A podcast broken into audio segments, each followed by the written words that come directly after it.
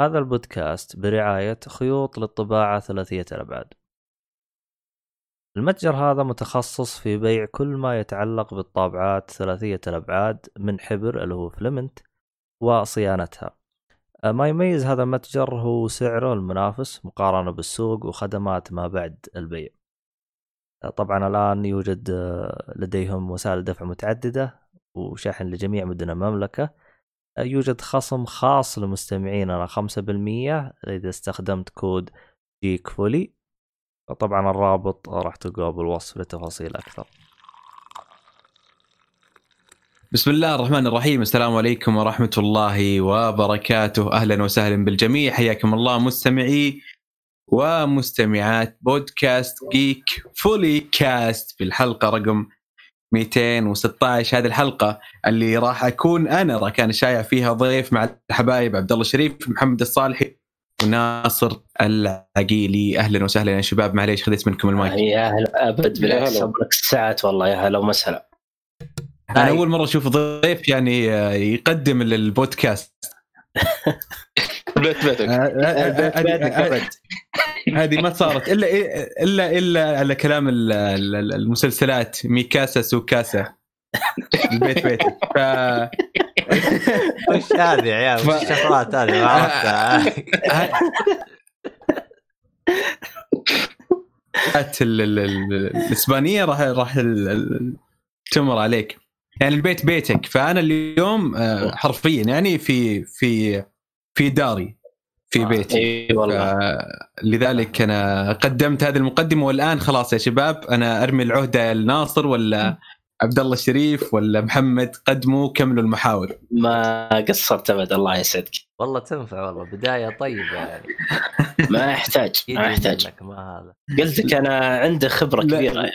لا تنفخوا الراس يا شباب آه طبعا آه آه راكان بالنسبة للشخص اللي بيستمعك الان وما يعرفك إحنا تكلمنا عنك سابقا قبل إنه عندك برنامج اذاعي تقدمه في الراديو لو تعطي تفاصيل كذا روتانا.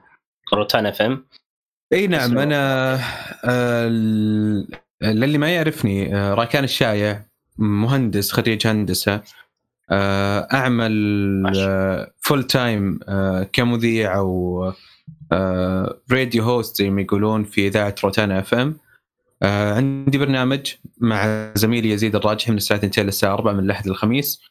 وك part time على قناتي على اليوتيوب آه، راكان الشايع أو سابقا زي ما يعرفون القديمين راكان ثرونز راكان ثرونز يا ف so far أتكلم عن الأفلام عن المسلسلات وأي عمل فانتازي مبني على رواية آه، احاول قد ما أقدر إني أكون متمكن من هذه الرواية عشان أقدم مادة مختلفة للمتابعين.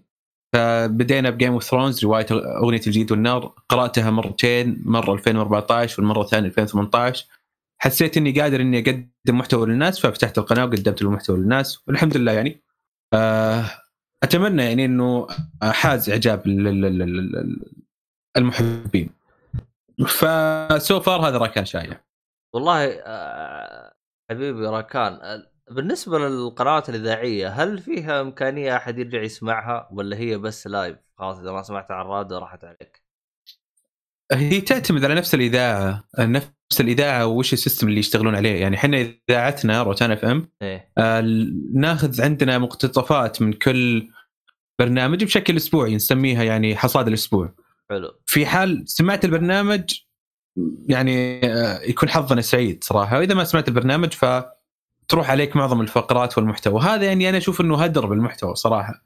لذلك إحنا بدينا إنه الآن عندنا أكثر من خطة لحفظ المحتوى يكون عندنا مكتبة ممتاز. للمحتوى اللي قاعدين نقدمه. آه، فبدينا نسوي بثوث مباشرة على البيرسكوب بشكل يومي. هذا الأمر كفيل إنه يحفظ عندنا الجزء يعني آه، لا بأس به من المحتوى. كذلك عندنا حصاد الأسبوع. بشكل أسبوعي عندنا الجمعة والسبت. آه، نقدم فيها بعض المقتطفات من من كل البرامج اللي تكون على مدار الأسبوع. ممكن السؤال اللي يجي على بالك الآن هل في استماع أساسا للاذاعه؟ آه إي في استماع صراحة وأرقام أنا ما كنت اتوقعها إي يعني نتكلم عن مئات الآلاف صراحة. مو آلاف يعني. أصلا البرنامج تفاعلي رس... تشوف الرسائل ما شاء الله آه، كثيرة جدا يعني على البرنامج. صحيح. فال فاحنا ما عندنا إحصائيات دقيقة ولكن من فترة لفترة عندنا إحصائيات نقدمها لل... للي حابين يعلنون في الإذاعة. وبحكم خبرتي يعني وبحكم وجودي ببرنامج فأنا مطلع شوي على هذه الأرقام. تتكلم عن مئات الآلاف. نتكلم عن مستمعين بال آه باللحظة مو مو خلال ساعة أو خلال يوم. والله هو طيب، معروف جدا مهما كان الراديو يعني البعض ممكن ما يعجبه ينغث من بعض الأوقات دقيقة أنا ترى ما سمعت لأن الصوت قطع عندي شوي. آخ ثواني أنا غير أتلزق بالمايك.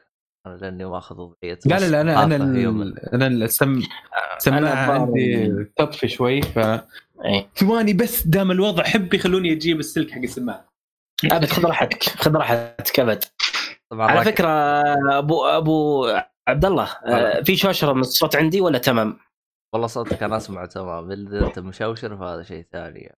لا لأن ليش أنا فهيومن يعني والله أنا في مشكلة الابراج نازله طالع لكن يعني يلا يا شباب.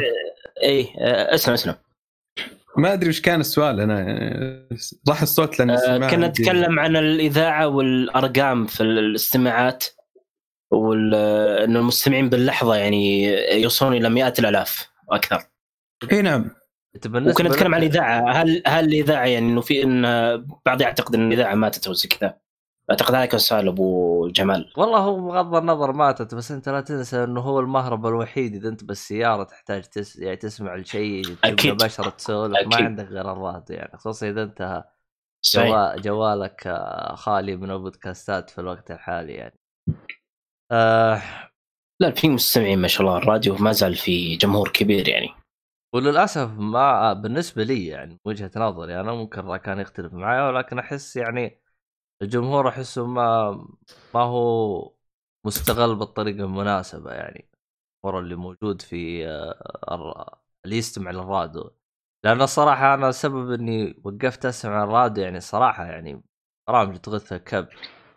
ممكن تلقى لك برنامج أبو ساعة أبو ساعتين لكن غير الساعتين هذه أنت بتحوم كبدك.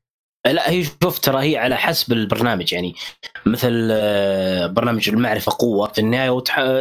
رغم إنه تحول جزء من البودكاست لكن بالأصل هو برنامج إذاعي ونفس الشيء أيضا برنامج ركان. هو شوف ترى آه أنا أعتقد هو... إنه يتحول بودكاست يعني بيكون آه، له استماعات أكثر يعني بيكسب جمهور البودكاست بالاضافه لجمهور الإذاعة. شوف إحنا عندنا عندنا ال...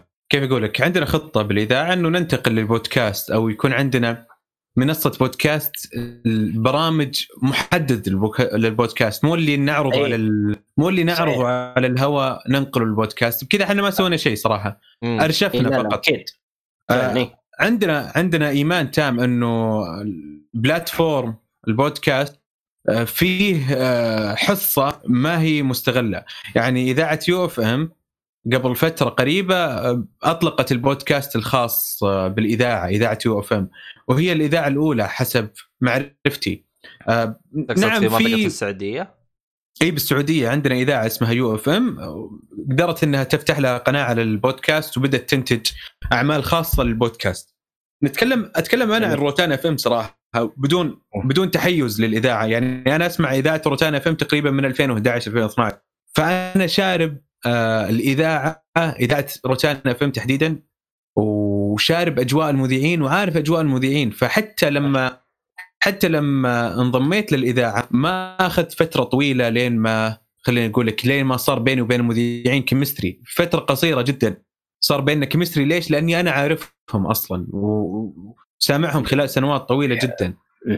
آه ممكن الإذاعات الأخرى فيها برامج متدنيه وهذا الأمر ينعكس على باقي الإذاعات إنه يا أخي والله الإذاعة تطفش. ليش؟ والله سمعت لي وحدة قاعدة تخبص على الهواء. مو كل الإذاعات فيها نفس هذا السيدة أو نفس هذا السيد اللي يخبص على الهواء. أنا أراهن إنه إذاعة روتانا إف إم ما فيها هذا الشيء وممتعه جدا. نقطة كنت أبغاها وراحت. جميل. دورها المهم. آه ما أدري عاد إذا أنتم كان عندكم داخل ولا يروحوا يا شباب. اعتبروني أنا غير. كافه هيومن يا شباب. إيه.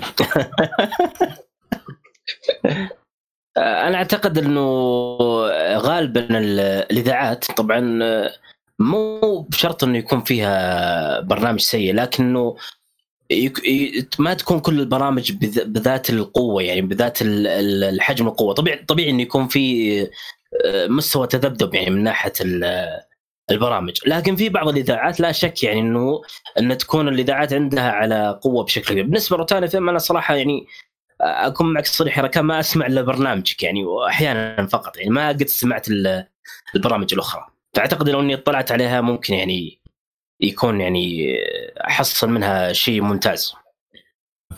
زي المسلسلات مو كل الحلقات المسلسل تكون على إيه. على مستوى واحد. ففي صحيح. تذبذب إيه. أكيد يعني. أكيد. يختلف هي واختلاف الجمهور أيضا. لا لا تنسى إن الجمهور مختلفين فلازم أنت تلبي كل ال- الاختلافات وكل الأذواق يعني. فهذا الشيء متفهم جدا ابدا بالعكس إيه.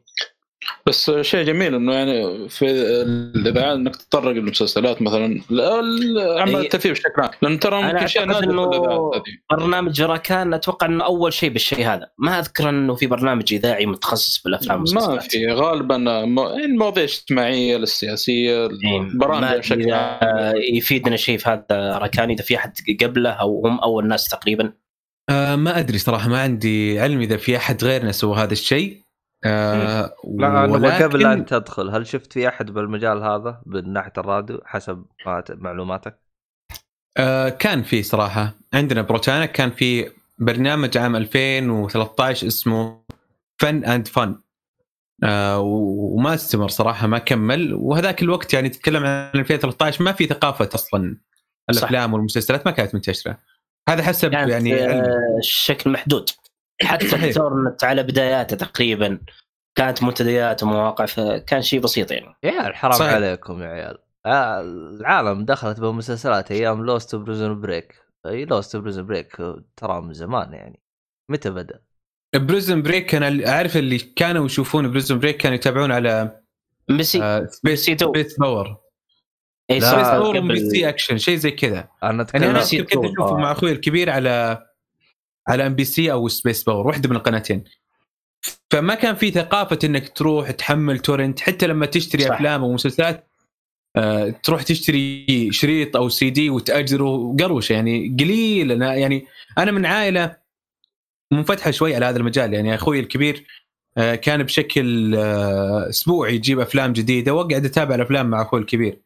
أيام SFC هذاك ال- ما أدري اسمه اسمه صعب. شريط الفيديو. ال HD آه. سواء كان شريط الفيديو الأسود القديم أو حتى إيه. اشرطه السي دي اللي جت بعده. آه حلو. يعني من من هذاك الوقت مع ذلك كان عدد قليل. يعني آه بالمدرسة ما كان في أحد بالحي ما كان في أحد. آه قليل. أما الأفلام الموجودة على MBC 2 ولا ما ما راح يشوفون أفلام. صح. حتى 2013 يعني 2013 أنا أذكر تويتر كان فاضي ما في ناس كثير يتكلمون عن الأفلام عن المسلسلات. ممكن كانوا أكثر أكثر ال- ال- ال- ال community هذا موجود بمنتدى إقلاع اقلاع ال- ال western تحديدا قسم ال western ما يحتاج معروف آه، إقلاع ومكسات وعدة منتديات كثيرة. صحيح. أنا نتكلم عن اللي اللي راكب السيارة غالبا يكون موظف حكومي. غالبا يعني هذاك الوقت 2013 ما كان في انفتاح لشركات كثير والشباب عندهم توجه للشركات. كان توجه الشباب للحكومة و... واللي يطلع أصلا موظف حكومي معليش مع احترامي شديد هذه بوسه لكل موظفين حكومة. غالبا ما عنده اهتمام للأفلام والمسلسلات يعني.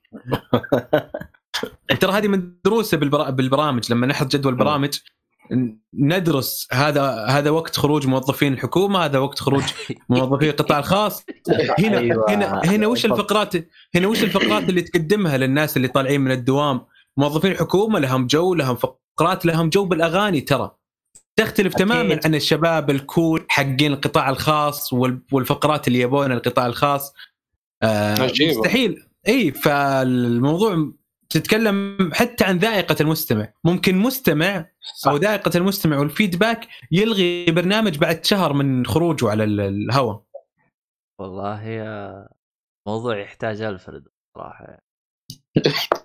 شوف يقصد خادم باتمان طبعا. لا أكيد لا يخفى الشيء هذا على الركان. إحنا صالحي ترى نسميه باتمان ترى. هو باتمان حقنا. ف... فالموضوع الموضوع معقد شوي يعني. حتى. البرنامج أنتم إيش تقدم للناس؟ لما قدمنا الأفلام والمسلسلات أنا بالبداية كان برنامجي مدته ساعتين.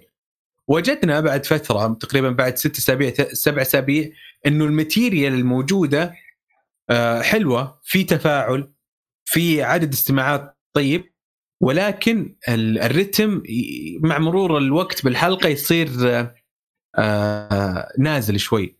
تمام. فوجدنا وصلنا القناعة إنه الأفلام والمسلسلات ما تصلح بشكل يومي ساعتين على الهواء فسوينا mix برنامجي مع برنامج أخوي يزيد ويكون جزء من البرنامج social media وشباب وسواليف وترند وش قاعد يصير وجزء من البرنامج أفلام ومسلسلات. وهذا الخلطة اللي نجحت الحمد لله. الحمد لله. اي أنا أذكر بدايتك فعلا كان برنامج مستقل بعدين صار الدمج وما صارت الحلقات يومية صارت تقريبا شبه اسبوعيه أو قصدك حلقة- فقرات الأفلام والمسلسلات صارت آه، فقرة كل أسبوع فقرة كل يوم بس مدة الفقرة نص ساعة. آه. إي نعم. يعني حلو،. أول كانت ساعتين كل يوم وشفناه انها ثقيلة مرة لا من ناحية الإعداد التجهيز تجاوب الناس مع الفقرة. لأنه ما كنا نطرح الأفلام والمسلسلات بشكل تقليدي ممكن ناصر سمع البرنامج. كنا نجيب كوت من الفيلم أو المسلسل ونناقش هذا الكوت بشكل أو الاقتباس بشكل فلسفي شوي. كانت آه، حلقات جميلة صراحة جدا. إيه الفكرة جميلة. إيه. الفكرة جميلة ومناقشة الاقت- الاقتباسات جميلة بس إنه كل يوم كل يوم كل يوم كانت ثقيلة حتى علي أنا. صح. صح أتفق معك. ولا فكرة جدا ممتازة صراحة إنك تاخذ اقتباس وتناقشه وتشوف الآراء المختلفة ووجهات النظر وفي آراء حلوة يعني تطرح آراء جدا ممتازة صحيح صحيح. إيه. آه، كل كل يوم كانت تجيني مجموعة كبيرة من المشاركات. يعني كل يوم كنت أطلع ب 40 مشاركة على الهواء يا جماعة. مشار... هذا الرقم مرة كبير ف آه فكانت الفكرة مميز. حلوة بس إي بس بس المشكلة إنه كانت ثقيلة مرة. أتفق معك إيه، فعلا. إذا كانت يومية فعلا هي وساعتين أيضا.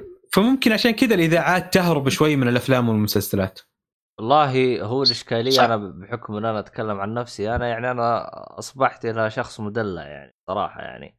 بحكم إنه الآونة الأخيرة يعني جميع الأشياء اللي أنا أتابعها هي عبارة عن أشياء آه، حسب الطلب. اللي هو نتابع وقت اللي أنا أبغاه سواء أفلام أو مسلسلات أو هذا.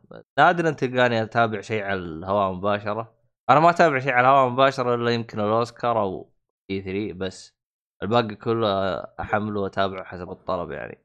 ف أتذكر فيها مثلا عندك ال BBC. ال BBC يا أخي مرة رهيبين. عندهم محتويات مرة كثير. تلقى على القناة حقتهم تقدر تفتح الموقع حقهم وتتابع ال- البث أو ال- الراديو على طول. آه، غير عن كذا عندهم بنفس البودكاست عندهم محتوى مرة كثير. أنا ما أدري إذا هو محتوى مجزء من القناة أو حاجة زي كذا. بس يا أخي يعني تحس ال... الراديو حقهم تل... تلقى له محتوى بأي مكان. تلقاه صوتي تلقاه كتابة تلقاه أي شيء. ف ما أدري أنا يعني إذا كان البرنامج حقك راح يصير يعني بالطريقة هذه يعني راح يكون له جزء بعدين. ترى كلامك سليم. كلامك مرة سليم. يعني ال- الآن كلنا ترى حنا الجيل آه ما أدري كم أعماركم ولكن حنا الجيل اللي نشأنا بالتسعينات يعني وبدايه والجيل اللي نشأ بداية ال ال- ال 2000 الفيل الفيل إيه. الثالثة.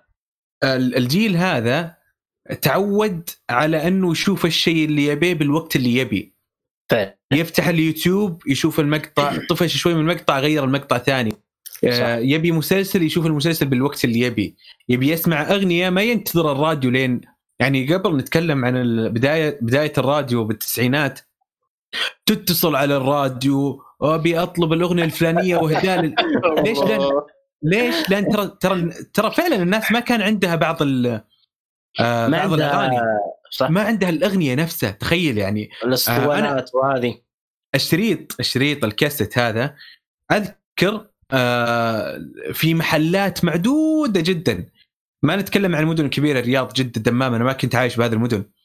آه كان في محلات معدودة وقليلة جدا. ومحارب فإذا بعد. نزل محارب ومحارب على وقت محارب على وقت هرجة إيه. الحرام وده- والأشياء هذه شغلانه إيه. و- واذا واذا. وإذا فنان نزل ألبوم جديد أو إذا مجموعة فنانين نزلوا ألبومات جديدة رابح صقر عبد المجيد راشد الماجد محمد عبده نزلوا مجموعة أغاني جديدة أنت ما عندك الميزانية يعني تتكلم عن القوة الشرائية كانت ضعيفة جدا هذاك الوقت. فالناس صعب, تشتري كل الألبومات فعلا. ف... ف... ف... وش كنا نسوي قبل؟ ما أدري إذا هذه ال- ال- الحالة مرت عليكم أو لا. كان عندك 12 أغنية بكل كاسيت. ستة الوجه الأول ستة الوجه الثاني. فكنا نكتب الأغاني. الأغنية الفلانية والله سمعتها بالراديو عجبتني خلاص. يعني من بين الألبوم كامل تختار أغنية أغنيتين ثلاثة. وتقعد تسمع الكاسيت تحلل أم أم الكاسيت. حرفيا. فعلا. الحين الحين لا يا حبيبي أنت من الأغنية هذه للأغنية هذه للأغنية هذه بالوقت اللي أبي بال- بالمزاج. اللي أبي. 20 ريال. اول اشتراك Spotify يعطيك أكثر من Spotify مليون. أو, أو أنغامي أو Apple. تدرون يا إيه. جماعة انه إنه أول سابقا أتكلم عن التسعينات. أنا طولنا إحنا بجزئية الإذاعة. أتكلم عن التسعينات لما ما كان في إذاعة بالسعودية إلا ام بي سي إذاعة ام بي سي وكانت محتكرة يعني أو محتكرة الإذاعة. آه، ما كان مسموح للإذاعات الأخرى إنها تفتح أو المجال ما كان مسموح إنه آه، يتاح للإذاعات الأخرى. فتخيلوا يا جماعة إنه MBC كان عندهم برنامج اسمه سهرة خميس. أتوقع كان آه، المذيع أحمد الحامد آه، هو هو اللي ماسك هذا البرنامج. ال- تخيلوا يا جماعة إنه إنه مطربين الصف الأول ما بيعد أسماء يتصلون عشان يطلعون بهذا البرنامج كلقاء. مطربي الصف عجيب. الأول بالسعودية وخذ الاسم اللي يجي على بالك الآن إيه هو اللي على بالك. نعم. واحد من المطربين اللي الآن آه عنده معجبين بالملايين بالوطن العربي وفهمكم كفاية. تم منع اغانيه بالإذاعة لمدة سنتين وبالواسطات رجعت اغانيه للإذاعة. يا ساتر. فكان للإذاعة هيبة وقوة صح. لأنه أنت مل ملزم بهذا ال- بهذه ال channel بهذه القناة إنك من خلاله تسمع الأغاني تسمع البرامج تسمع لقاءات الفنانين. هي الفنان الوحيد. إي الآن الفنان الآن الفنان يفتح الإنستغرام ويسوي بث مع المحبين و... معليش على الكلمة طز بالإذاعة طز بالتلفزيون. آه الأغاني تنزل على اليوتيوب تنزل على أنغامي تنزل على أي برنامج. فال... فهذا الأمر ممكن ضرب شوي سوق الإذاعة. سوق الإذاعة الحين واقف على مسألة إنه في ناس كثير يركبون السيارة ما يحبون يسمعون أغاني يس- يحبون يسمعون الناس يسولفون فيفتحوا الإذاعة. بالفعل إيه. صحيح. آه لكن صح بحكم إنه في الوقت الحالي يعني كورونا وزي كذا يعني كيف نظامكم أنتم الإذاعة؟ تسوونها من البيت ولا غير تروحون للاستديو؟ آه، بس قبل لا لا أروح لل- للسؤال هذا اسم البرنامج ليلة خميس. آه، حق أحمد الحامد أبو متعب مسي عليه بالخير استاذي وحبيبي صراحة. أيام آه، يوم كانت البرامج- الإجازة خميس الجمعة. إي نعم. آه. ال- الإذاعة الآن آه، إحنا مقسومين المذيعين. آه الإدارة وفرت لنا ال- المعدات. كل مذيع عنده معدات في البيت ويبث من البيت وفي مجموعة من الم- من المذيعين يبثون من الإذاعة. جميل. آه فالعدد بالإذاعة قل يعني بدل لا نكون يعني 20 موظف بالإذاعة الآن ممكن خمس موظفين فقط اللي بشكل أوه. يومي متواجدين بالإذاعة. فإحنا ال... ف... فتقريبا أربع برامج أو ثلاث برامج من البيت.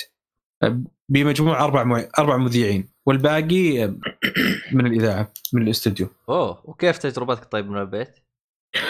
صراحة ال- الجو داخل الاستوديو كأنك ملك. يعني أنت المسيطر على كل شيء. آه، أنت المسيطر على كل شيء. أنت اللي قدامك المعدات قدامك الفيادر. ترفع الصوت تنزل الصوت. تبي تكح تطفي المايك. راحتك. إي فعكس مم. البيت لا البيت ما يحسك بالجو هذا. أول أسبوعين صراحة أول أسبوع كانت معاناة شوي بس مع الوقت الآن بديت الصراحه أتأقلم. الحمد لله. ولكن أبي أرجع للإذاعة يعني. الحين وقف. الآن اللي افهمه منك أنت يوم تكون بالإذاعة أنت لحالك أنت اللي تقصر وتسوي ولا ما عندك مساعد ولا وضعك؟ في إذاعات آه، برامجها يكون في مذيعين ومهندسين صوت. بحيث إنه المذيع يتكلم ومهندس الصوت هو اللي يرفع ال music ينزل ال music أيوه. يفتح المايك يقفل. المايك. أيوه. آه، ما تعطي له اوامر لا يصير بينكم chemistry وتفاهم تخاطر. مم، حلو. وبينكم شباك أو بينكم يعني ما تشوفون ما تتكلمون مع بعض بس تشوفون بعض. فهنا خذ لك عاد لغة الإشارة والوضع. باذاعه روتانا آه، مختلف. تقريبا من أربع سنوات آه، أو من ثلاث سنوات آه، صار المذيع هو مهندس الصوت. وهذا الأمر. فرق فرق كبير آه، يعني سبب فارق كبير إنه أنت اللي تتحكم بالرتم. صح. إيه. على كذا أفضل إنه معد ال- ال- البرنامج هو الأفهم بالبرنامج ف راح يخلي الإعداد موافق للرتم البرنامج بشكل أكبر يعني صح؟ اي قبل لازم تتكلم مع المهندس إيه. بالفيدباك وش الأغنية الجاية؟ مدري إيش. معنا متصلين. الحين لا كل المتصلين أنت اللي تسمعهم المشاركات الصوتية قدامك الأغاني أنت اللي تختاره رتم البرنامج كامل صار عند المذيع. وهذه هذه خطوة تفرق. ممتازة الصراحه خطوة جدا ممتازة. آه، إي فرق فرق فرق كبير وخطوة للأمام صراحة. ما شاء الله. أهنيهم على هذا الشيء. ما شاء الله عليكم. أهنيكم والله. شكرا يا صاحبي. الله يسعد آه طيب يا جماعة الخير تو عنده أي أسئلة قبل لا ندخل على طبعا إيه طبعا آه عندنا موضوع إحنا الحلقة إيه؟ آه، راكان أنت قد سجلت آه بودكاست كذا بدون آه شغل شغل مو رسمي أنت ولا كل شغلك رسمي أنت قبل؟ اللي عنده بودكاست. آه، سجلت كم حلقة بودكاست عندي بالقناة وكان كاجوال يعني من بدأ لين انتهى ما قصينا منه ولا شيء. بس والله والله كانت حلقات ممتازة صراحة اللي مع هشام فهمي وعبد الله من قناة آه، وستروس. وستروس إيه. كانت مرة ممتازة صراحة اي كان تسجيل بدون قصقصة مع إيه. إحنا هنا ما نقصقص إحنا هنا بس نطوط بس. إذا كان في حرق طبعا والله البركة فيك يا ناصر والله أبد أنا عدد حرقي يعني قليل مقارنة بالصالحي يعني أنا أهون شوي الحمد لله. آه. طيب آه آه خلينا ندخل إحنا نحاور اللي إحنا مجهزينها. حلو. آه فانطلقوا يعني. آه، أبدأ أنا توكل على الله. هو أصلا في غيرك يلا. إيه أسلم. طيب. إحنا عندنا ال- هذه الحلقة راح نخصصها بشكل عام نتكلم فيها عن الأعمال السعودية بشكل خاص والأعمال الخليجية أيضا والأعمال العربية بشكل عام في رمضان راح نتكلم يعني ن- عددنا عدة آه، محاور بخصوص هذا الموضوع عن موضوع الأعمال العربية والمسلسلات العربية بشكل خاص في رمضان. أول شيء أنا بس أبي أسأل حبيبنا راكان. طبعا إحنا دائما نقول إنه الأعمال العربية القديمة أو السعودية بشكل عام إنها ممتازة. يعني مثل طاش مطاش أو خالتي قماشه أو درب الزلق. فهي طبعا آه، لها ذكريات جميلة ونتذكرها دائما. فنقول إن الأعمال القديمة غالبا إنها تكون ممتازة. هل هذا الشيء يعود إنه فعلا ال- الأعمال العربية القديمة هي فعلا ممتازة لأنها ممتازة أو لأن ذائقة المشاهد الع- العربي والمشاهد السعودي بشكل خاص تطورت بعد انفتاح الأعمال الإبداعية العالمية فجعلتنا ننظر الأعمال العربية الحالية بأنها سيئة بحيث ان بحيث إن الأعمال القديمة هي نفس مستوى الأعمال العربية الحالية على نفس المستوى وعلى نفس الرتم. هل هي فعلا في تد... حصل تدني ولا الذائقة تطورت؟ وش ال- الشيء الصحيح يعني؟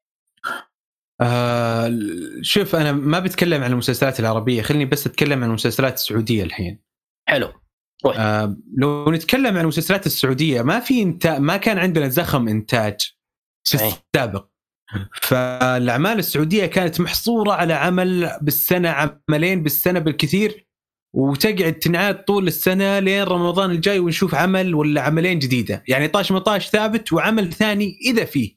يعني كان في تركيز كبير جدا وكان في محاربة عموما ل آه، الأعمال. يعني لو نت... لو نتذكر في أصابع الزمن اصابع الزمن ترى 1000 1982 مرة قديم.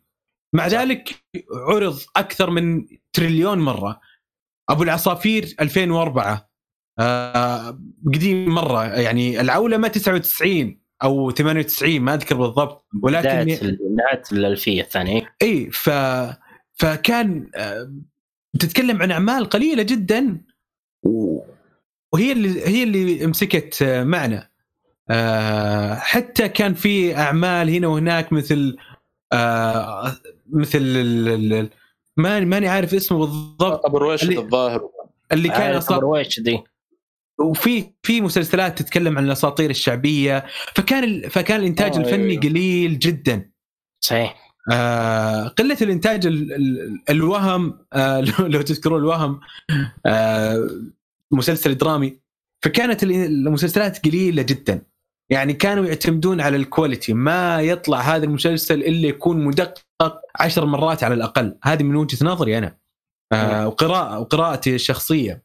آه، حنا يعني طاش مطاش لو ناخذه كحالة آه، للتلفزيون السعودي طاش مطاش يعتبر البذرة الأولى والنواة الأولى ب ب بال بال field أو ب شو يسمون ال field بالعربي؟ ال- حقله و... الحقل بالضبط إيه البذرة يعني البذرة الأولى بهذا الحقل حقل الصناعة السينمائية وصناعة. صناعة التلفزيون إحنا مشكلتنا. إنه إنه دقرنا عن طاش مطاش ما طلعنا من طاش مطاش طاش مطاش واحد اثنين ثلاثة أربعة خمسة ستة سبعة ثمانية تسعة. عشرة وصلنا إلى 19. 20 19 و 20. 20 فدقرنا. خلاص يا جماعة ترى هذا النواة هذه البذرة الأولى خلاص لازم تروح يوم لما طلعوا قا... طلعوا. عيال القرية أو شيء زي كذا. ج... عمل جيد ممتاز ثنائية حلوة بين ناصر القصبي وعبد الله سدحان. قصة حبكة كوميديا موجودة. بعد لا، كلنا عيال قرية رجعوا لطاش مطاش. أتذكر كمان طلعوا شوية ملح تتذكر؟ ما أتذكر صراحة. أنا أتذكر إنهم طلعوا ال- هي القرية أتذكر دي كان بعد طاش واحد من الأجزاء يعني. بس ما آه، قبل آه، قبل طاش مطاش آه، فيلم محمود محميد لا هذا مرة مرة قديم بس أنا أتكلم عن ال... اي إيه، صح اي عن عن طاش عن طاش مطاش والثنائية هذا ط- ليش ليش طاش مطاش دائما يكون حاضر كل رمضان؟ أوه يا ريت عندنا شيء زي طاش مطاش. لأنه علق باذهان الناس. بالضبط. مشكلة. مشكلة مشكلتنا إحنا كمتابعين ومشكلة القائمين على طاش مطاش إنهم مشكلتنا إحنا إنه نشوف طاش مطاش هو الماستر بيت ومشكلة القائمين إنه مو مو مو ما عندهم القناعة الكافية إنه طاش مطاش هو البذرة اللي تنطلق منه الاعمال الاخرى راحوا خطوه للأمام بمسلسل كلنا عيال قرية ورجعوا خطوه للخلف لما رجعوا لطاش مطاش من جديد. آه ف ناهيك عن كمية الكاركترات بطاش مطاش تتكلم عن يمكن أقل شيء 10 كاركترات لعبد الله سدحان و10 لناصر القصبي. السوداني على الجداوي على سعد عمر قلي آه، ال- ال- ال- فؤاد. فؤاد آه، سعيدان سعيدان ومدري مين. characters كثيرة جدا. character الهندي character آه،. فال characters كانت كثيرة. فهذا كان استهلاك آخر لل خليني أقول لك مخزون الإبداع. المشكلة إنه. بعد طاش مطاش وش الخطوة التالية؟ كان المفروض تقدم. إيه كانت المف... كانت الخطوة ال- يفترض إنها تكون للأمام المشكلة إنه الخطوة كانت للخلف آه انفصال بين ناصر القصبي وعبد الله سدحان عبد الله سدحان توجه قليلا لأعمال آه، شبيهة بطش مطاش بعدين الآن وجد نفسه بالعمل اللي يمثله الآن آه بشخصية تراجيدية ناصر القصبي استمر على نفس الكاركترات الموجودة في طاش مطاش حتى في مسلسل العاصوف آه، ما كان خطوه للأمام أنا من وجهة نظري مسلسل العاصوف. قبل كذا أبو الملايين أنا أشوف إنه نشان مسلسل أه. أبو الملايين عبد عبد الحسين عبد الرضا. مو بناصر القصبي ولا أي شخصية من الموجوده من الموجودين بمسلسل أبو الملايين. ما في مسلسل إلى الآن فارق وعلامه فارقة. آه، مشكلتنا بالأعمال السعودية إنه إلى الان إلى الآن ما انطلقنا ما بعد طاش مطاش. مشكلة أخرى يا جماعة. نعم. وأنا معليش معليش لو أتكلم كثير. آه، سامحوني. المشكلة الثانية. خذ راحتك. ما مشكلة. إنه ما عندنا مكان يفرغ نجوم للشاشة. تجد إنه ما بعد ما طاش في- ما مطاش في مدرسة. ما في مدرسة. ما بعد طاش مطاش مين اللي طلع على الشاشة؟ نجوم ال social media. ال social media ما تصنع ممثل. اللي يصنع الممثل هو المعهد العالي للفنون المسرحية. الموجود في مصر الموجود في سوريا الموجود في الكويت سابقا الموجود في كل دول العالم. هو اللي يصنع الممثل. ال social media ما تصنع ممثل. فالمنتج المنتج والقائمين على صناعة المسلسلات لما حبوا إنهم okay عندنا خطوة للأمام وش نسوي؟ يلا هوبا جيب لي واحد اثنين ثلاثة أربعة من ال social media وهذا اللي راح ياخذني للأمام، لا يا حبيبي ال social media عمرها ما كانت مصنع للممثلين. آه فهذه الأسباب بكل بساطة. وش نحتاج؟ نحتاج معهد يصنع لنا ممثلين حقيقيين وكوادر آه تشيل الإنتاج السعودي وتشيل الشاشه السعودية. والله شوف آه، أنا يا أخوي ركان أنا بالنقطة إنه يعني هم ليش أخذوا من ال social media من وجهة نظري أحسهم شفت اللي يبغوا يلفتون الانتباه بأي طريقة. طب أنا كيف ألفت الانتباه؟ هذا الشخص معروف في ال social media أنا أجي أجيبه عندي.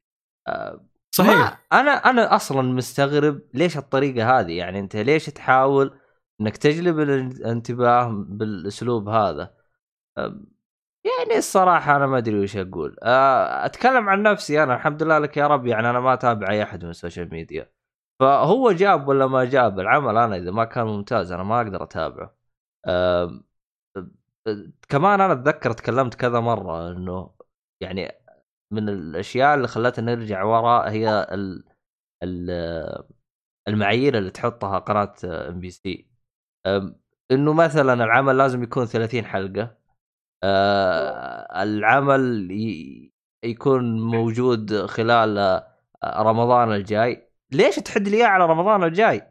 يعني ليش ما. تعطيني سنتين على من العقد ليش تعطيني سنة؟ أنا متى يمديني أسوي متى ما يمديني متى يمديني.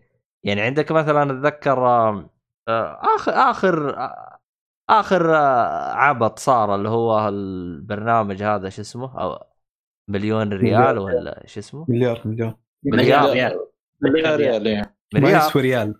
إيه، المهم مليار ريال. هو- المجيد كان يقول ما يسوى ريال هو صادق والله. عموما هو آه أتذكر أنا شفت اللقاء قبل لا أشوف حلقة آه، شو اسمه عبد المجيد. شفت اللقاء اللي هي مع هيا شعيبي بالبداية إيه. بالبداية زي ما تقول جلست يعني تأخذ المخرج الأول المذيع رد عليها أخذت المخرج الثاني رد عليها الثالث الرابع الخامس رد عليها. شافت إنه المخارج تقفلت وما تقدر تهرب من الموضوع راحت قالت طب هو ما يعرف إحنا وش المعاناه اللي عانيناها ما يعرف إنه إحنا بلي إحنا يعني كويس إن إحنا طلعنا بالنتيجة هذه. ها. طب تو تقولي إنه هذا الشخص ما مين أهله لأنه ينتقد؟ يعني شفت اللي ناقضت نفسها في عشر دقائق فهمت علي؟ فمن المناقضة هذه اللي أنت تستنتج تستنتج إنه العمل هو ما عنده وقت كافي. يعني آه، أتذكر أنا ترى صرحت بالموضوع هذا من قبل في أحد الحلقات قابل. لكن إذا أنت موجود تأكد لي بالموضوع هذا. أنا قابلت أحد المخرجين آه، مخرجين اللي هو يوتين. فكان ناوي يسوي له عمل في التلفزيون. قابلته هنا في المدينة. فأنا جلست أكلمه يعني وأقول له طيب أنت يعني مخرج طب زبط لنا إحنا منتج أحسن من الغث اللي إحنا بنشوفه بالتلفزيون. فقال لي ترى المخرج الكاتب الممثل ما له علاقة بالموضوع هذا كله. يعني هي مجرد سياسات من القناة إنه أنا تيجي توقع لي الع- توقع معي العقد في رمضان مثلا هذا تبغى الع... تبغى ال... تبغى الموضوع يكون جاهز رمضان الجاي. طيب أنت لا تنسى إنه العقد يحتاج إنك تص... تسوي له دراسة جدوى من كتاب من إنك يعني أنت تحتاج إنك تجهز له خذ لك هذه ستة شهور. وأنت بقالك ستة شهور تصوير. Game of Thrones لحاله ياخذ الح- الح- الحلقة ال- أخذوا سنتين عشان بس صوروا لهم حلقة ولا ف... وهو كم؟ عشر حلقات. وهذين ب 30 حلقة يبغى يسوي لك إياها بأسبوعين. حتى اتذكر رمضان اللي فات وقت عبد المجيد الكران جالس يتريق يقول لاحظوا إنه في مسلسل إلى الآن ما خل الحلقات حقته المسلسل ما خلصوه كانوا يصوروه برمضان. تخيل بتنعرض حلقات جالسين يصوروه برمضان يعني سوي أي شيء يلا بسرعة. ف إيوه ف يعني يعني أنا أحس شفت اللي زي ما تقول في عندك أكثر من جانب يحتاج تعديل يعني حسب اللي أنا أشوف فهمت علي؟ ما أدري إذا أنا وضح وضحت لي الصورة اللي أنا بقول لك إياها يا أخوي ركان آه كلامك كلامك سليم صراحة يعني إحنا عندنا أصلا مشكلة زي ما ذكرت هاي شعيبي كان كان كلامها متناقض جدا يعني آه كانت تقول إنه ما عندنا وقت وأنتم مو عارفين المعاناة اللي عانيناها آه ال ال ال ال الوقت هذا يرجع لنفس القناة. ومسألة ترسية العمل على المنتج على المخرج إلى آخره من الكلام الفارغ اللي يسوونه القنوات. وأنا للأسف إنه المسلسل مليار ريال طالع على قناة حكومية ومصروف عليه من أموال الحكومة من أموال الدولة يا جماعة. وما يبغون ننتقد. ف ففي أخطاء كثيرة عندنا بال بمسألة ترسية مراجعة النصوص. هاي شعيبي بنفس اللقاء كانت تقول إنه النص كان المفروض يكون مسلسل كويتي وهي اللي سعودت النص. نتكلم عن مسلسل كوميدي يا جماعة يعني شخص كاتب كوميديا موجهة للشارع الكويتي. يتم سعودتها من قبل ممثلة كوميدية كويتية. آه مصيبة. والله شيء محزن صراحة للأسف. المخرج المخرج لبناني. نعم على راسي يا حبيبي أنت والشهايد اللي رازة معاك ولكن في خصوصية للعمل مهما كان. مهما صح. كان في خصوصية للعمل. فعلا. فعشان أسباب كثيرة هي اللي كانت سبب فشل هذا العمل وفشل الاعمال الاخرى وترى كل الأسباب لو لو تلاحظ إنها مشتركة. زي ما ذكرت عبد المجيد الكناني الموسم السنة الماضية كان ينتقد عمل آه، يصورونه في رمضان والسنة هذه هي شعيبي تقول إنه صورنا متأخر ولفقنا بعض الحلقات بمحمد العيسى كراوي إلى آخره من الكلام الفارغ. فنفس الأخطاء ويكررونه وعيد وزيد بنفس الأخطاء والنتيجة البياخ فيه اللي نشوفها على الشاشة. فيها الفيلم أو المسلسل حق نتفلكس جن هل شفته؟ لا. عموما جن لو تدقق في الحوارات حوارات إنجليزية معربة. بالضبط. لا. بالضبط. يعني تحس الحوار كان مكتوب النص بالانجليزي بعدين قالوا أوه ترى عمل للعرب. طب يلا ترجموه. ترجموه حرفي. وجو وقالوه بالكذا يعني حرفيا. فصارت الحوارات دايخة. ف أحس يعني تحس كل مين جالس يقع بنفس الأخطاء يعني ما حد راضي يتعلم من غيره يعني. ما أدري وش المغزى يعني. و- والان الصراحة. شوف أنا أنا صرحت قا... قا... سابقا قلت أنا الصراحة ما راح ينقذ السوق ال- العربي يعني إلا نتفلكس وجابت العيد في جن. يعني للأسف. إي والله. الآن عندهم عمل ثاني راح يجيبوه أنا ما أدري وش هو ما أدري وش راح يجي يسووا فيه ولا أدري إيش الصراحه اللي مع هند صبري؟ أه... إيش؟ مسلسل مسلسل هند صبري؟ شوف فيه مسلسل آه هم في آه، هند صبري أنا ما أدري هي راح تمسك المسلسل هذا أو راح تمسك المسلسل اللي بعده. لأنهم هم من- من بد من بدري من بداية جن ترى أعلنوا عن ثلاث مسلسلات. فهمت علي؟ المسلسل الثالث راح يكون من رواية آه ال- الله نسيت اسمه في راوي معروف. هو المسلسل الثالث اللي راح الثالث اللي راح ينزل. بس المسلسل الثاني ما كانوا يعني عارضين عنه تفاصيل كثير. آه فما أدري أنا أنت قلت آه، اسمها هذه راح تمسك المسلسل اللي راح ينزل في فترة حالية أو راح تمسك بعد فيلمين أو كيف نظامهم؟ وأنا مثلك أنا سمعت الخبر قبل فترة صراحة وعلى فكرة هند صبري ممثلة رائعة جدا. كوميدية درجة أولى صراحة و... وأنا أحب تمثيله عنده مسلسل كوميدي اسمه عايزة اتجوز يتكلم عن معروف رهيب رهيب جدا ومضحك صراحة بالنسبة لي إيه. كان يجي على MBC أتوقع كل صحيح. الاعمال ترى تجي على MBC. حتى لو ما إيه جيت فعلا. الآن تجيك بعد أسبوع بعد شهرين كذا ترجع نفس العملية يكون شروا الحقوق بعد فترة يعني آه اللي أبي أقول بخصوص ال- المحور أنا أعتقد إنه أنا أتفق مع ركان فعلا إحنا نحتاج إلى معهد فني و أو مدرسة فنية بالأصح تعلمنا تع... أساس... أساسيات ال- الفن وتعلمنا أساليبها بشكل عام. وأيضا في النقطة الثانية نحتاج إلى منتجين آه، ممتازين. يعني ترى المنتج آه، هو له الدور الكبير يعني إذا المنتج راح يعطي ال- المخرج ال- والكاتب المبدع راح إذا راح يعطيهم المجال وبياخذون ياخذون راحتهم. فالعمل يعني في النهاية راح يكون ممتاز بإذن الله. فهي صراحة شيء المنتج شيء أساسي يعني في نجاح العمل. لا شك هذا الشيء جدا مهم. والله أنا أقترح من التلفزيون السعودي خذوا خلاط وحطوه عندكم برمضان وريحوا بالكم ممتاز خلاط صراحة. كذا سكت وبيتوتي أيضاً، البرنامج الجديد بيتوتي. ريحوا بالكم من ال- الكتابة السيناريو والخرابيط هذه كلها. بس ترى ممكن الشاشة تعطي سقف آه، أقصر من ال- اليوتيوب. ها فممكن هذا الأمر اللي مو مخلي حقين اليوتيوب يبدعون أكثر ب هو هنا المشكلة يعني يعني كل مين صح. مبدع في مجاله يعني. آه المشكلة إنه إذا راح ال- السقف مختلف ممكن ما ينجح. يعني أقرب مثال اللي هو بدر صالح آه مم. تحسه رجع يعني قال ماشي خلني خلني زي ما كنت أول أحسن لي. يعني سوى له بدر صالح اليوتيوب هذا برنامج جديد في اليوتيوب. إيه أعتقد إنه مستمر في التلفزيون ولا خلاص تركهم نهائيا. أتوقع آه انتهى برنامجه اللي كان على MBC.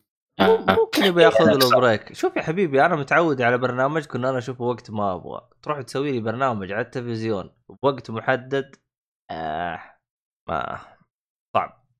عموما آه في أحد عنده إضافة على المحور هذا ولا تبغى تروح على المحور اللي بعده؟ آه ما أدري احد عنده شيء من الشباب في في مسلسلات آه، الامانه يعني آه، كانت آه، كويسة يعني وكان إنتاجها ممتاز حتى القصة يعني. في في واحدة من المسلسلات آه، الظاهر نزلت في 2015 أو 14 بس أنا الامانه يعني ما كملت باقي.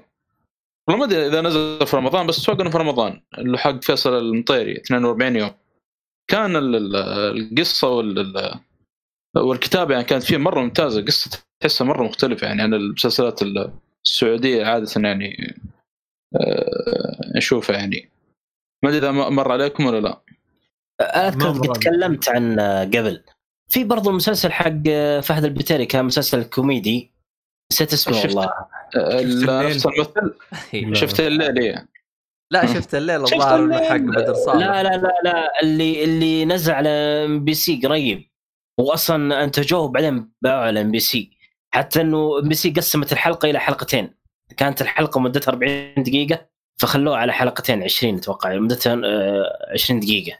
مبروك مبروك ولا إيه؟ أو د- دمجوا الحلقتين مع بعض عفوا. العكس دمجوا الحلقتين مع بعض لأن الحلقة مدتها 20 دقيقة كانت. أه نسيت اسمه والله بس إني أنا شفت أول ثلاث حلقات منه وكان ممتاز صراحة. يعني ما كملت بس إنه كان ممتاز جدا صراحة ككوميديا يعني رهيب. في في في مسلسل كان لو نتذكر مسلسل آه، إخواني أخواتي اللي طلع فيه فايز المالكي لاول مرة بشخصيه مناحي آه، كان مسلسل حلو والجميل كان الاختلاف إنه في شخصية جديدة اسمها مناحي أول مرة أشوفها على الشاشة. والقصة والأداء آه، كان يعني جامع شوي فنانين.